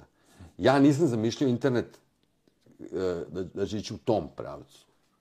Nego da će biti ona sloboda, a na sve načine se je sad na internetu i ta tvoja iluzija izbora ogromnog ovaj, jeste da ti kada ukucaš nešto u pretraživač, nećeš dobiti ono što je najvažnije ili najbolje nego ono što je plaćeno i tako da i mi smo dakle i na internetu izgubili tu slobodu. I to je ono što je što će biti borba. Mi ćemo imati u stvari uskoro, mislim ne imat ćemo, nego imamo borbu za tu neku slobodnu komunikaciju koja nije formatirana i u digitalnom prostoru, isto kao i, i, i na televiziji, isto kao i u svakodnevnom životu. Pa teo sam isto da kažem, da, recimo to je ograničeno i što se tiče pisanja ta, tih statusa, to što smo sad i rekli. I ja sam par puta teo da napišem neki kritički osvrt i sad razmišljam se, pa ne, bolje bi to zvučalo kad bi rekao ovako uživo u podcastu, nego kad bi sad napisao u tekstu, jer ne mogu sve da kažem što, i onda će ovi kao što nisi ovo, što nisi kao, nego moram sažeto da stavim i onda ću izostaviti neki važan deo i onda može neko pogrešno da shvati. Eto, E, vidiš, a onda vidiš da postoje ljudi Da. koji su takve stvari umeli da kažu u poez, poezijom, romanom ili Tako. slikom, i to pre 500 godina, pre 1000 godina, i da i dan danas razumeš Tako šta su Tako želi da, da, da, kažu. da. Tako da, ja se samo nadam da će komunikacija, recimo, na Twitteru da pređe na poeziju, zato što je to ona sa ličnim pečatom i sa kao metaforama i slikama i da nema jedno značenje, zašto bi imalo samo jedno značenje. A, ajde sad da pričamo malo i o tvojoj karijeri. budući Ne, da neću, jer stalno odlažem razgovor Da, da, da. o tome. Da, da. Možemo i pre tvoje karijere još... Slobodno, ajde, ono, sve, šta ti zanima? Teo sam o još jednom fenomenu da pričam, a to je hipohondrija, koja je bila sada, ajde, ja... Pa nemam taj detalj u biografiji. Teo sam da kažem, pa dobro, svako u jednom momentu tokom života ima taj period kada, ono, što se kaže, sindrom obraženog bolesnika, znači. Ali, da li je gore biti čovek koji neće da ode kod doktora jer se plaši možda dijagnoze ili ne znam čega, ili čovek koji ide odmah kod doktora, ili čovek koji možda ovaj, ide za sve kod doktora. Mislim, ne znam šta je, šta je gore od te tri stvari, bukvalno. Pazi, nema prava, nema pravila, ali s druge strane, ono što je što se desilo sa, sa medicinom, to je, ono što, se, što smo rekli, se desilo s drugim stvarima, ona je komercijalizovana i onda je danas biznis. Tako je. Tako da, da ti sad, oni ljudi, ja sam se dosta bavio tom temom i psiholozi se kođe bave tom, otkud sad to nepoverenje u nauku, u medicinu, kako to ljudi sumnjaju u vakcinu. I sad, e, naravno da je to imalo za rezultat mnoge izgubljene živote. Neki ljudi su propustili da se leče od vrlo ozbiljnih bolesti smatrajući da, da, da će time da uđu u neku međunarodnu zaveru, da, da se ne znam, ono, ne treba da primaš neke lekove zato što ćeš da bogatiš, ne znam, Bill Gatesa ili koga god već ili vakcinu. E, nije, nisu ti ljudi glupi i nisu oni, e, kažem, nije, nije nerazumljivo. Pokušam, ja sam psiholog, pokušam da razumem ljude. Ne. Njihov, uh, njihovo nepoverenje ima realnu osnovu. Lekari e, će ti prepisati određeni lek zbog toga što neki lekari će ti prepisati neki lek zato što su zato dobili pare. Neko će da te leči o, iako bi možda, evo, recimo, ti danas, kad se nazebeš i prehladiš, imaš temperaturu, ono, ono što može se desi, pokupiš negde, neki virus ili šta god. Danas imaš reklamu na televiziji koja ti nudi lek koji ćeš ti da popiješ, koji će, koji će da ukloni tvoje simptome prehlade i ti možeš sutra na posao. Ono što je potrebno jeste, ma dobro to, kao i ranije su ljudi oboljeli i to nije neka ozbiljna bolest, ali ti lepo onda ne ideš na posao dva, tri dana, odležiš, malo gledaš televiziju, pojedeš supicu, maziš se sa dragim osobama ili s kucom, šta god, i prođe ti. Ali ti nisi tri dana bio na poslu i to košta. I sad naše društvo danas pronalazi način da tebe održi u stanju radnom da bi ti mogao da šljakaš sutra. Da, da, da. da. A ne brini o tvom zdravlju. Za tvoje zdravlje je najvažnije da ti odležiš. Tako je. I to ti, ako, ako je tako sa prehladom, onda ljudi s pravom sumnjaju kao šta je sa kancerom, šta je sa koronom, šta je sa drugim bolestima, znaš, kao prosto, je li tu ima neka računica iza? I sigurno ima. E sad, u kojoj meri to stvarno onda pomaže, a u kojoj meri je računica? Da, da.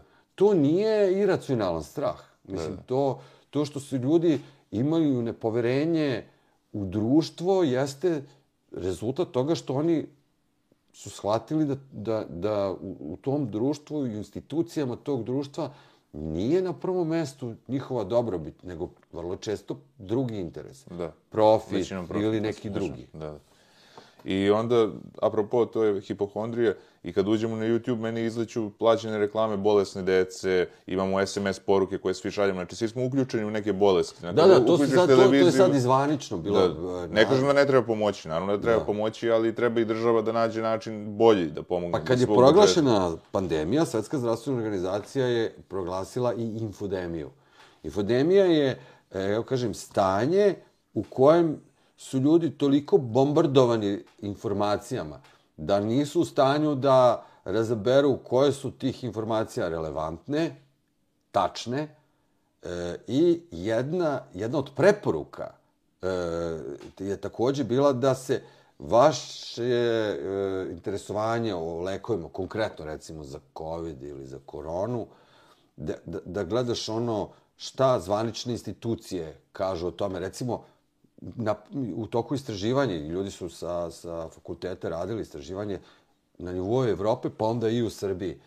Na, ljudi su bili bombardovani tele, preko televizije i ne znam, preko interneta i tako dalje, ali i dalje, kad, kad ih piteš odakle sve dobijaš informacije, recimo u koroni, onda oni nabrajaju, ali kome najviše veruješ?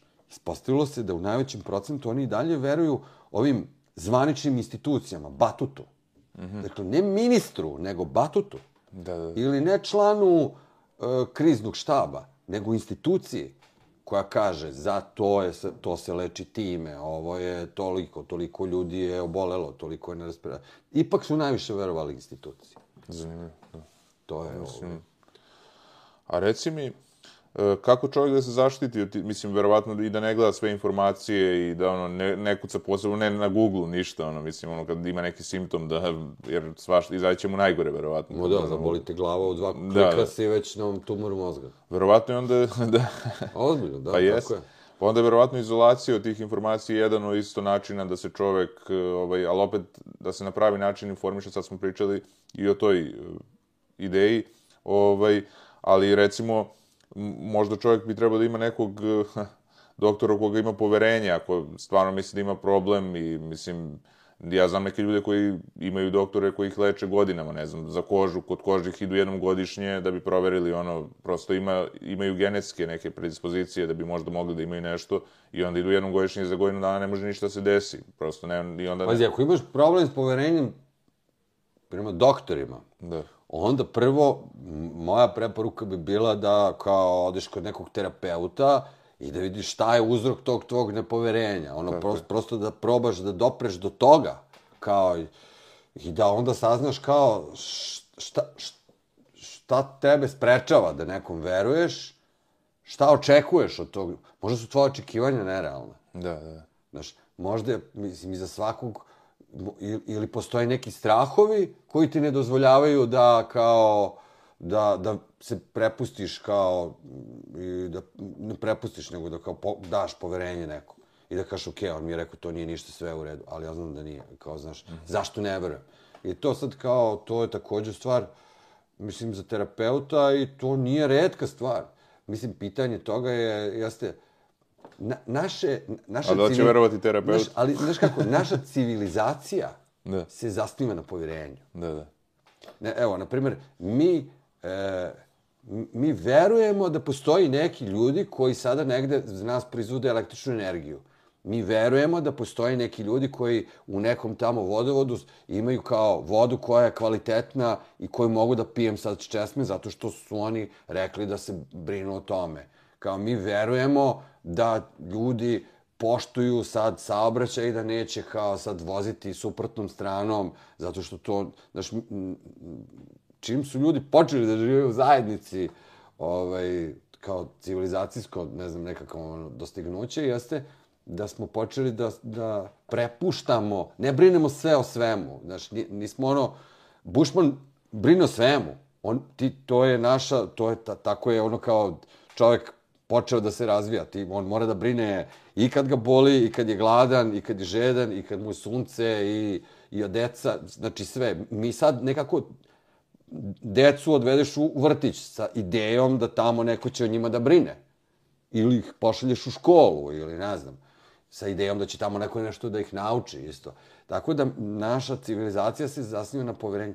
To poverenje je realno uzdrmano. Da. I, i otud onako se ljudi, otud ta potreba da se ti nekako izoluješ, pripremiš sam, se na, ono kao, znam ja najbolje šta je meni, ne treba meni ni doktor, ni ovaj, ali to je isto tako u savremenom svetu iluzija, znači i ti dalje imaš i vodu i struju, osim ako nećeš baš sve sam da organizuješ ko oni prepsi i oni preperi da kao mogu da preživim sam u svetu, ali čini mi se da je danas to nemoguće. Ali eto, svi ti ljudi koji imaju problem sa hipohondrijom i to žestoko, ono, koji prerasta u bolest, ovaj, pričaju kao, ipak je najgore taj život u strahu, ono, mislim, ipak je gore, šta, šta ti ćeš da živiš u strahu, da. ono, što da živiš u strahu, mislim, ono, nema smisla, znači, bolje da razmišljaš pozitivno nego da, ono, ne, ne mislim sad life coach filozofija, nego mislim, stvarno, ono, nema smisla, ono, živjeti u strahu, to je najgore. A, ovaj, sa druge strane, Ne znam, odavno se nismo vratili na moju karijeru. A, to razumio. Ja se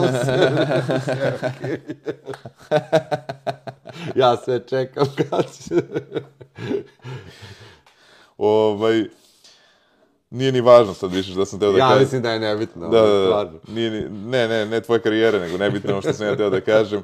Ovaj, a što, što se tiče tvoje karijere, pričali smo o B92, meni je zanimljivo to, to sam da te pitam, e, rad u kolektivu. Ti si dakle bio u bendu i koliko je još to što si bio u bendu uticalo kasnije, ti si uspešno sa svima, onako, osjeća se neka pozitivna energija, neki ta, mislim, ne odskačete ono jedni od drugih ili ne znam šta, ono, svi ste tu, nema sujete, nema, Znači, sarađivao si sa, uvek sa, makar jednim čovekom pored sebe. Kako je to Pa najduže uspevalo? sa Goricom, Sa da. Goricom. Da, Kako se najduže. uspevao u, u ovaj... Pa, znaš kako, to jeste, ono kao, pazi, to je, e, ovaj, kad s nekim treba da radiš, recimo, program svaki dan, to je jedan maraton.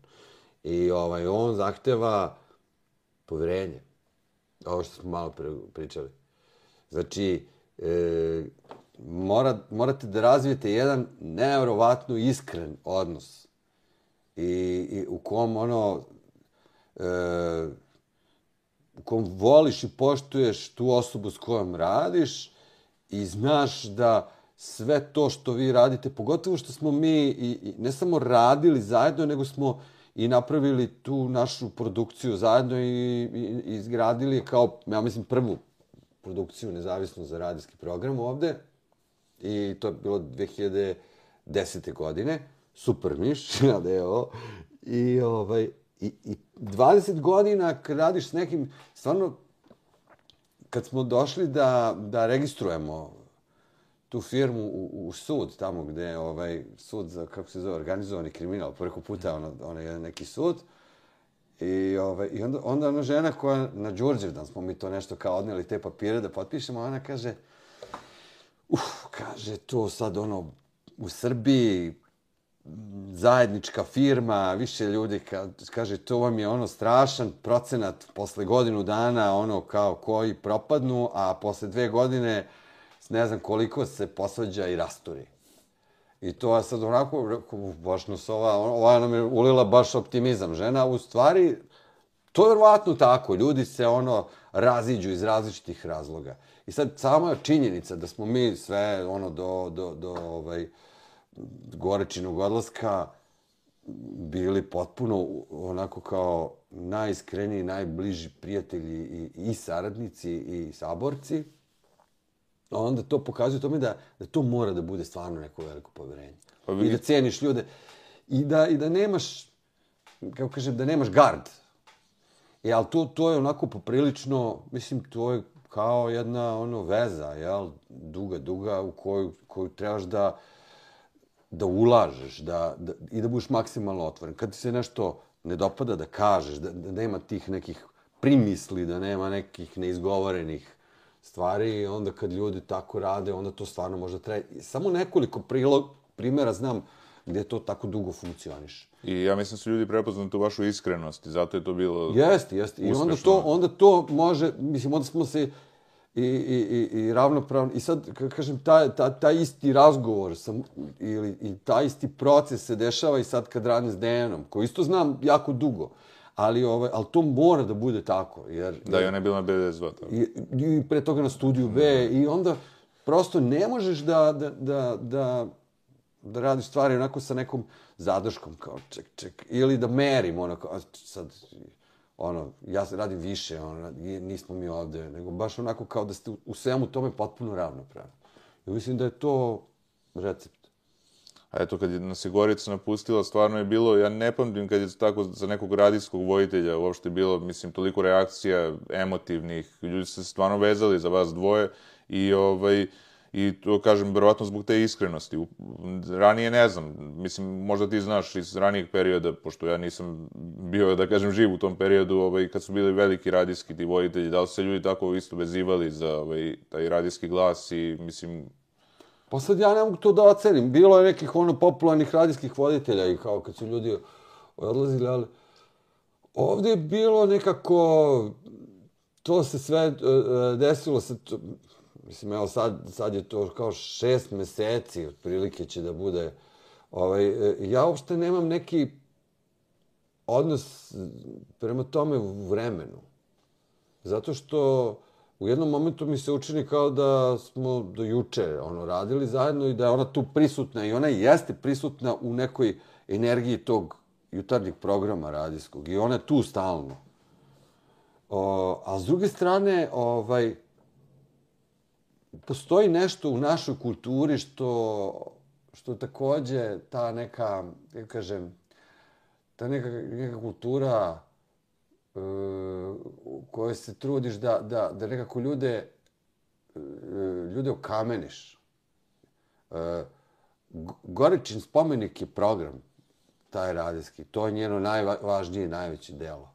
I, i dogod se taj program emituje, to ima smisla, to što smo radili i postoji ono neko sad bilo je bilo je jako za mene dosta stresno to kad cijel taj odlazak da da pokušamo da da sačuvamo neko sto, privatnosti i dostojanstva o tom jer to sad da ne bude neki medijski spektakl ili cirkus a s druge strane da ovaj da se ne, da se ne napravi od našeg radijskog programa i od toga svega ne, neke večite zadušnice.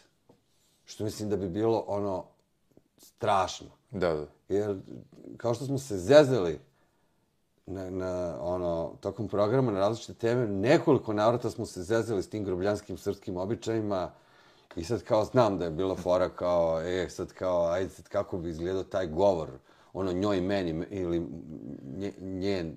I, i, i sad kao, Znaš, kao, sad stvarno bi, ja bih stvarno imao stalno utisak da ona to sjedi na oblaku i da se smeje, znaš, jer kao, sad čekaj, nemoj, sad to, da, sad, da, se, da se meri ko je, ko, ko je sad tužniji. Da, ne, da, ne, da dobiješ nekakvu kao neko naricanje. To je sve samo ne ono što bi bila Gorica. Tako da to što god, uh, dok god se, se čuva ta energija u jutarnjem programu, to je ona. Tako da postoje neki slušalci koji imaju taj ono taj mali je to broj ljudi. I sad, sad to, to, to je jedna zamka, ono što je, kako je zvao Bora Đorđević, rasprodaja bola, sad kada mi sad tu nešto Da, da. stalno lamentiramo. Ja, za mene je ona živa dok god postoji ta energija. I ja Da. je ono osjećam tu. Pa i ona je bila tako liko mila i zato je ljudima, i to ima isto... Da Jeste, kažem, ono, a i ovaj, kako kažem, ono, spremno da mi kaže daj, kao nemoj da lupaš i tako da, prosto da su to bile neke, ovaj, ne, e, neka komunikacija koja tako funkcionisa. I to, to, zato smo, zato želim da se to zadrži što duže. Ali to je strašno što stvarno mediji ono svojataju, mislim, sve, m, mislim, prave show od e, nečije smrti, to je meni katastrofa, ono, mislim, ono kao, ili oni naslovi kao umro je najpoznatiji glumac, a umro je neki, ono... Ne, mi smo taj show pravili dok je Gorica bila živa, tako da, nema potrebe za tim sad. Da, da, da. Ali da sam kažem, eto, mislim, čak ima jedan lik kanal gde o, čita umrlice i bukvalno, ono, kaže, umro je najpoznatiji glumac, to mu je naslov, a ono, ispostavi se da je neki lik koji je nosio masku u nekom filmu, znači, bukvalno čovek koji je od svega, znači, što je neko rekao na kraju će sa bandere da čita umrlice i kaže, umro je kao, ne znam, rekao je, umro je kao milioner, e, vojitelj milionera, 47 godina, ukucaš ono stvarno ima e, ovaj, zeka, 47 godina, e, ali indijskog kao. I ja rekao, čekaj, prijatelju, znači, da li je moguće da se time baviš? Mislim, to, koliko je to jadno postojanje, kako bi rekao, eto, to je meni baš jadno postojanje, mislim, ne Pa znam da, kako to bi je rekao. ono kao što maratonci, ono kao smrt je najsigurniji biznis. Da, da. Ili Nightcrawler, film sa Jake Gyllenhaalom, kad ovaj, on pravi razne situacije da bi ono, tako da to sociopata, mislim, kako bi rekao. E, A teo sam da kažem, isto ti si rekao na početku kao da ne bi spominjao druge podcaste radi konkurencije. Ja mislim da baš trebaju podcasti da se drže zajedno, zato što, nažalost, u našoj kulturi još nisu podcasti dovoljno zaživeli koliko bi mogli. Ono. Znaju ljudi za par podcasta i to je to, ali ima ih 300 i nešto i onda ovaj, mi smo imali, nije ni bitno emisije, da smo spominjali i druge podcaste, da smo ono, i preporuke i sve. Ovaj, mislim da je vrlo bitno to, eto, apropo one sujete, da se ta zajednica drži zajedno da bi opstala, ovaj, a ne ono da budemo kao konkurenti, nego da gledamo jedni druge kao neki sistem koji bi mogao da se drži u budućnosti i da bude neka alternativa ovim medijima što su na televiziji, mislim, tako da mislim da bi u tom smeru trebalo da ide. Sad, kako će ići, to ćemo vidjeti. Ma da. A recimo, ti si se super snašao i ovo gde ste vas četvorice, četvorica vas ima, da, tako je. Da, četiri i po muškarca. Zato je i pet. po, Da. pet je, Pet je ovaj iz banjice. da. tu je, blizu. Da, da, da. Pa, mislim, to je, to dobro funkcioniše, ja sam stvarno zadovoljan, ovaj, to, nekako isto prirodno, zato što smo tako postavili stvari, ovaj, svako je u svom nekakvom prirodnom ono, ambijentu i, i, i govori iz, iz svog ugla, i to je onako prava muška zabava gde imaš sve tipove muškaraca i onda kao priča sam o tome kako smo podelili kad smo pravili tu dramaturgiju tip, tipovi muškaraca i tako da, da, da i dan danas to funkcioniše lako jer svako govori iz, iz različitog to je kao on, da, kao u filmu Rashomon u imaš isti događaj prikazan iz pet različitih uglova i sad ljudi mogu lako da se identifikuju sa nekim od nas. Mi smo sad kone, kao 80-ih kad su bili ono super modeli, pa ona ima jedna crna, jedna plava, jedna brineta, pa sad koja ti se sviđa više, jel? E tako mi imamo ono jednog što je domaćinova iz Banjice, on je prihvatio na sebe ulogu ono, o, kako kažem, da bude urbani seljak. Onda ima jedan što je mudroser, to sam bez, ovaj, odmah aklamacijom dobio taj lik. Ima jedan što je mlađi i lepši od svih nas i uvijek će svi da kažu što je sladak, šta god da kaže, još i duhovit. I iz Mitrovice, onda ima jedan iz kruga dvojke, metroseksualac ili kako god hoćeš da kažeš. I uvek na svim muškim ovaj, okupljanjima postoji, to je, to je taj začin. Postoji jedan za koga uvek na svakoj muškoj žurci upoznaš nekog, kao, a ko je ovo? A, kao, pa tu ti ovaj Smirjeva, ortak. Da, da. E, e, taj ono, Mr. X, taj Mr. Smith je također sastavni deo, to je, to je jedan isto začin, najvažniji onako, znaš, kao da još zasuli i onda prosto smo svi tu onda na svom mestu i zato funkcioniše dobro. Samo se ogradim, da, rekao sam četvorica, ali nisam računao vojitelje. To, pa to je tako, zato je pola. Da, da, da. Zato je pola. Ovaj, inače, Ivan već, evo, gura već i hahaj koliko godina, baš dugo već, ono, izgurao je ovaj njegov show, mislim, već to traje. Bile su mu, ja sam rekao, baš, baš sam pričao sa Banetom, pošto znam Baneta ovaj, iz kraja, ovaj, da je možda on, mislim, na, velik, veliki uspeh je ostvario s time što je dobio neke zvezde, on je meni pričao, da ja sam gledao, kaže, Stinga, ono, upoznao sam, ne znam, Jan Gilana, neverovatno je da je dobio tako ta neka velika imena, ovaj, i po tome možda, ajde da kažemo, to nisam vidio nigde drugdje, ni u jednoj emisiji drugoj da je neko dobio tako velika imena, mislim, to, svaka čast na tom uspehu, da je uspio njih da dovede. A to bi se vratio na ono što si me pitao, znaš, kao, Ja mislim da je jedna od stvari koja je doprinjela tome da, da, da, da Ivan bude bolji nego što je bio jel, kad je počeo da radi, činjenica da je naučio da radi u timu.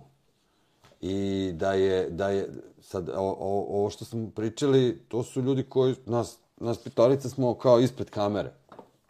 Ali da ta emisija je dobila svoj oblik i zbog toga što, što je tu Bane, naš organizator, Branislav Dimitrijević, koji je, ovaj, ja kažem, siva eminencija, devojka koja radi u organizaciji, i ona Tamara, mislim, i, i e, vrlo važan čovjek koji to vizualno sve postavlja, koji na kraju nam svima, ono, ovaj, to je Aleksa, koji, koji je realizator i kao reditelj, i on je, ono, on je čovjek, čovjek mašina tu koji to sve skapa.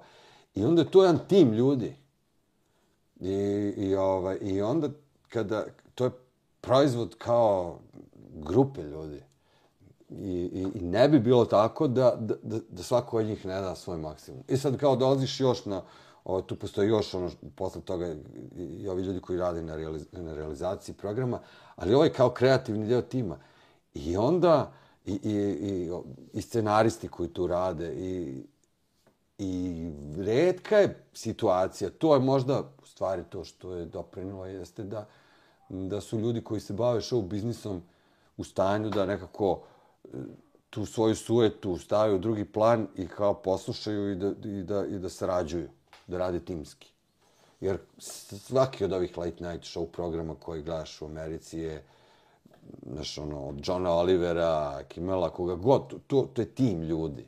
To ne može jedan čovjek da uradi da to bude toliko godina tako kvalitetno. To mora da bude tim.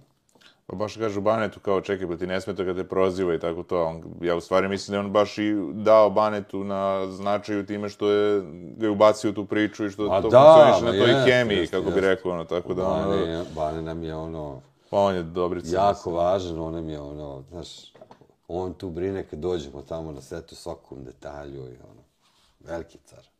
A recimo, da, u čemu je dakle tajna tog tvog, da kažemo, da možeš da, da, da radiš tako sa ljudima, da, jer ja, na primjer, sam imao problema kad sam počinio to, eto, po tim nekim redakcijama sam kao hteo da radim i video sam da novinarstvo ni, ni, ni na što ne liči, bilo bi mi sramota da uopšte budem potpisan u nekom tekstu i samo sam bežao, znači gde god ono, trebao sam budem zadužen za kulturu i umetnost kad vidim da prepravim moj tekst, samo odem, pobegnem i, a tek sam završio fakultet, to je bilo neka 2013. I taman su ovi došli i taman se promenila još na gore situacija, tako da sam provalio da ne, ne treba to sebi da uradim, da ne bi imao neku mrlju ili nešto. I, ovaj, i teo sam da kažem da e, ni, imao sam vrlo slabu toleranciju prema ljudima. Znači, nisam možda mogu, na prvu sam znao da reagujem, dobro, bio sam i mlađi i sve. Kako si ti tako sa tim strpljenjem prema drugima? Kako si to izgradio? Kako si uspeo to da... Pa Jesi imao to inače u da. sebi ili... Pa ja mislim, kad sam upisivao fakultet, e,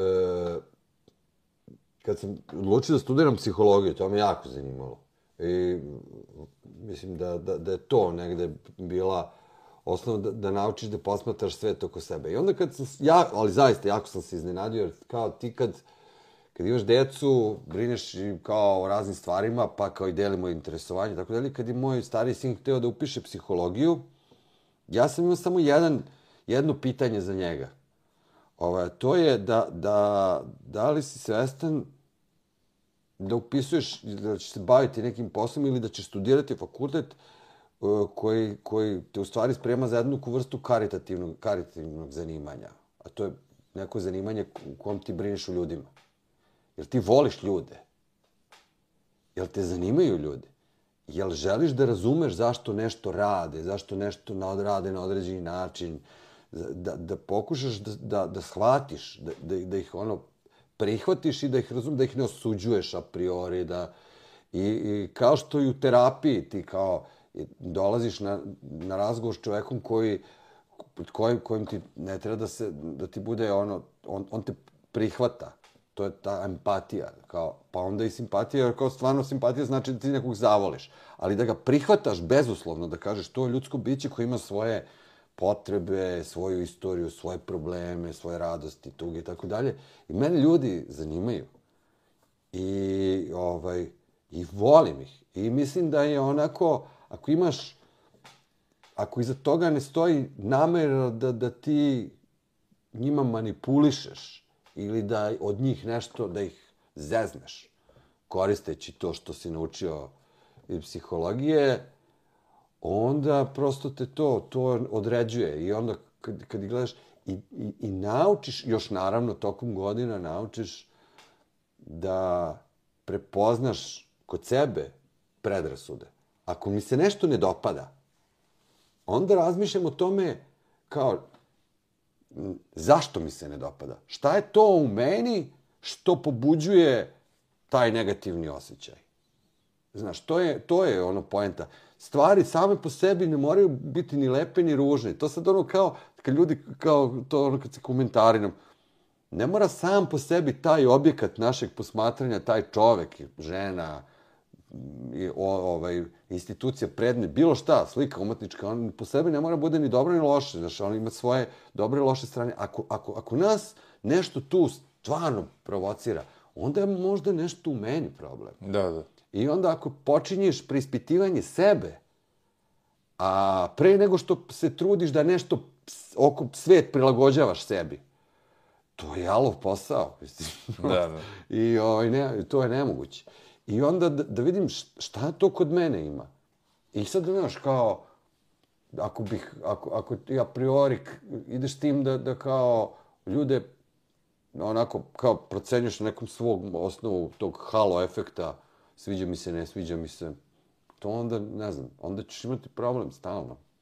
A i dobro, kad bi obraćali pažnju baš na sve komentare, uvek se nađe neki komentar, ono... Da, i nekako najprije se, znaš, ja mislim da ako se ja smejem sebi, da. a najčešće sam sam sebi izvor... Sebe ne živeš ozbiljno. Ovaj, onda, onda mogu, pa ne kao, pazi, ako sam ja glupo društvo, ne mogu da, da razumem nešto.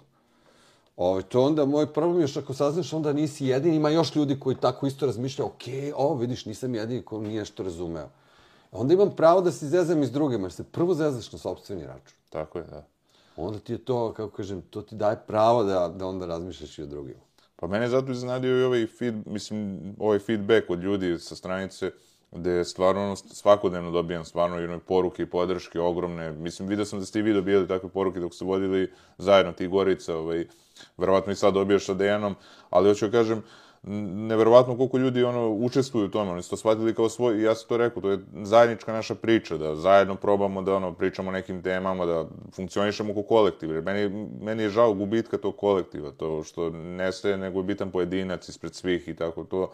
Tako da ja kažem, da, ja vodim tu stranicu, ali to je stranica kao svačija, mislim, svako može da ono napiše šta hoće, da mi ono i pošalje neki tekst ako hoće, ono da, da ja vidim, ovaj, tako da, prosto, eto, jedno vreme sam i čitao to tekstove kad su mi ljudi slali, pa sam kačio kao promocije nefirmisanih umetnika, pesme njihove, ne znam, bilo je onda takmičenje eh, bendova, bilo je vrlo zanimljivo to, imao sam sajt gde sam pravio to i onda ljudi kao, eto, to je bilo, ajde kažemo, kao lajkuju, ali opet, ono, i tu su bili dobri ljudi, nisu nikog htjeli da uvrede, ni jedan bend, napišu, svi su dobri bendovi, ali kao da, posebno mi se sviđa da, ovaj bend, tako da, da, da, tako da, vrlo, vrlo sam, ono, i promenio to mišljenje, pošto vajde sam, kad sam išao prema tom svom nekom interesovanju, kad sam našao tako neke ljude koji isto razmišljaju kao ja, isto mišljenike, a neki ne razmišljaju, nema veze, ali kad tako neki kolektiv ovaj, funkcioniše zajedno, nekako je baš lep osjećaj i ono, imaš utisak da si nekako prihvaćen, ono, i ono, prija mi to, mislim, to ću kažem, to je, to je lep deo to, te priče, ali...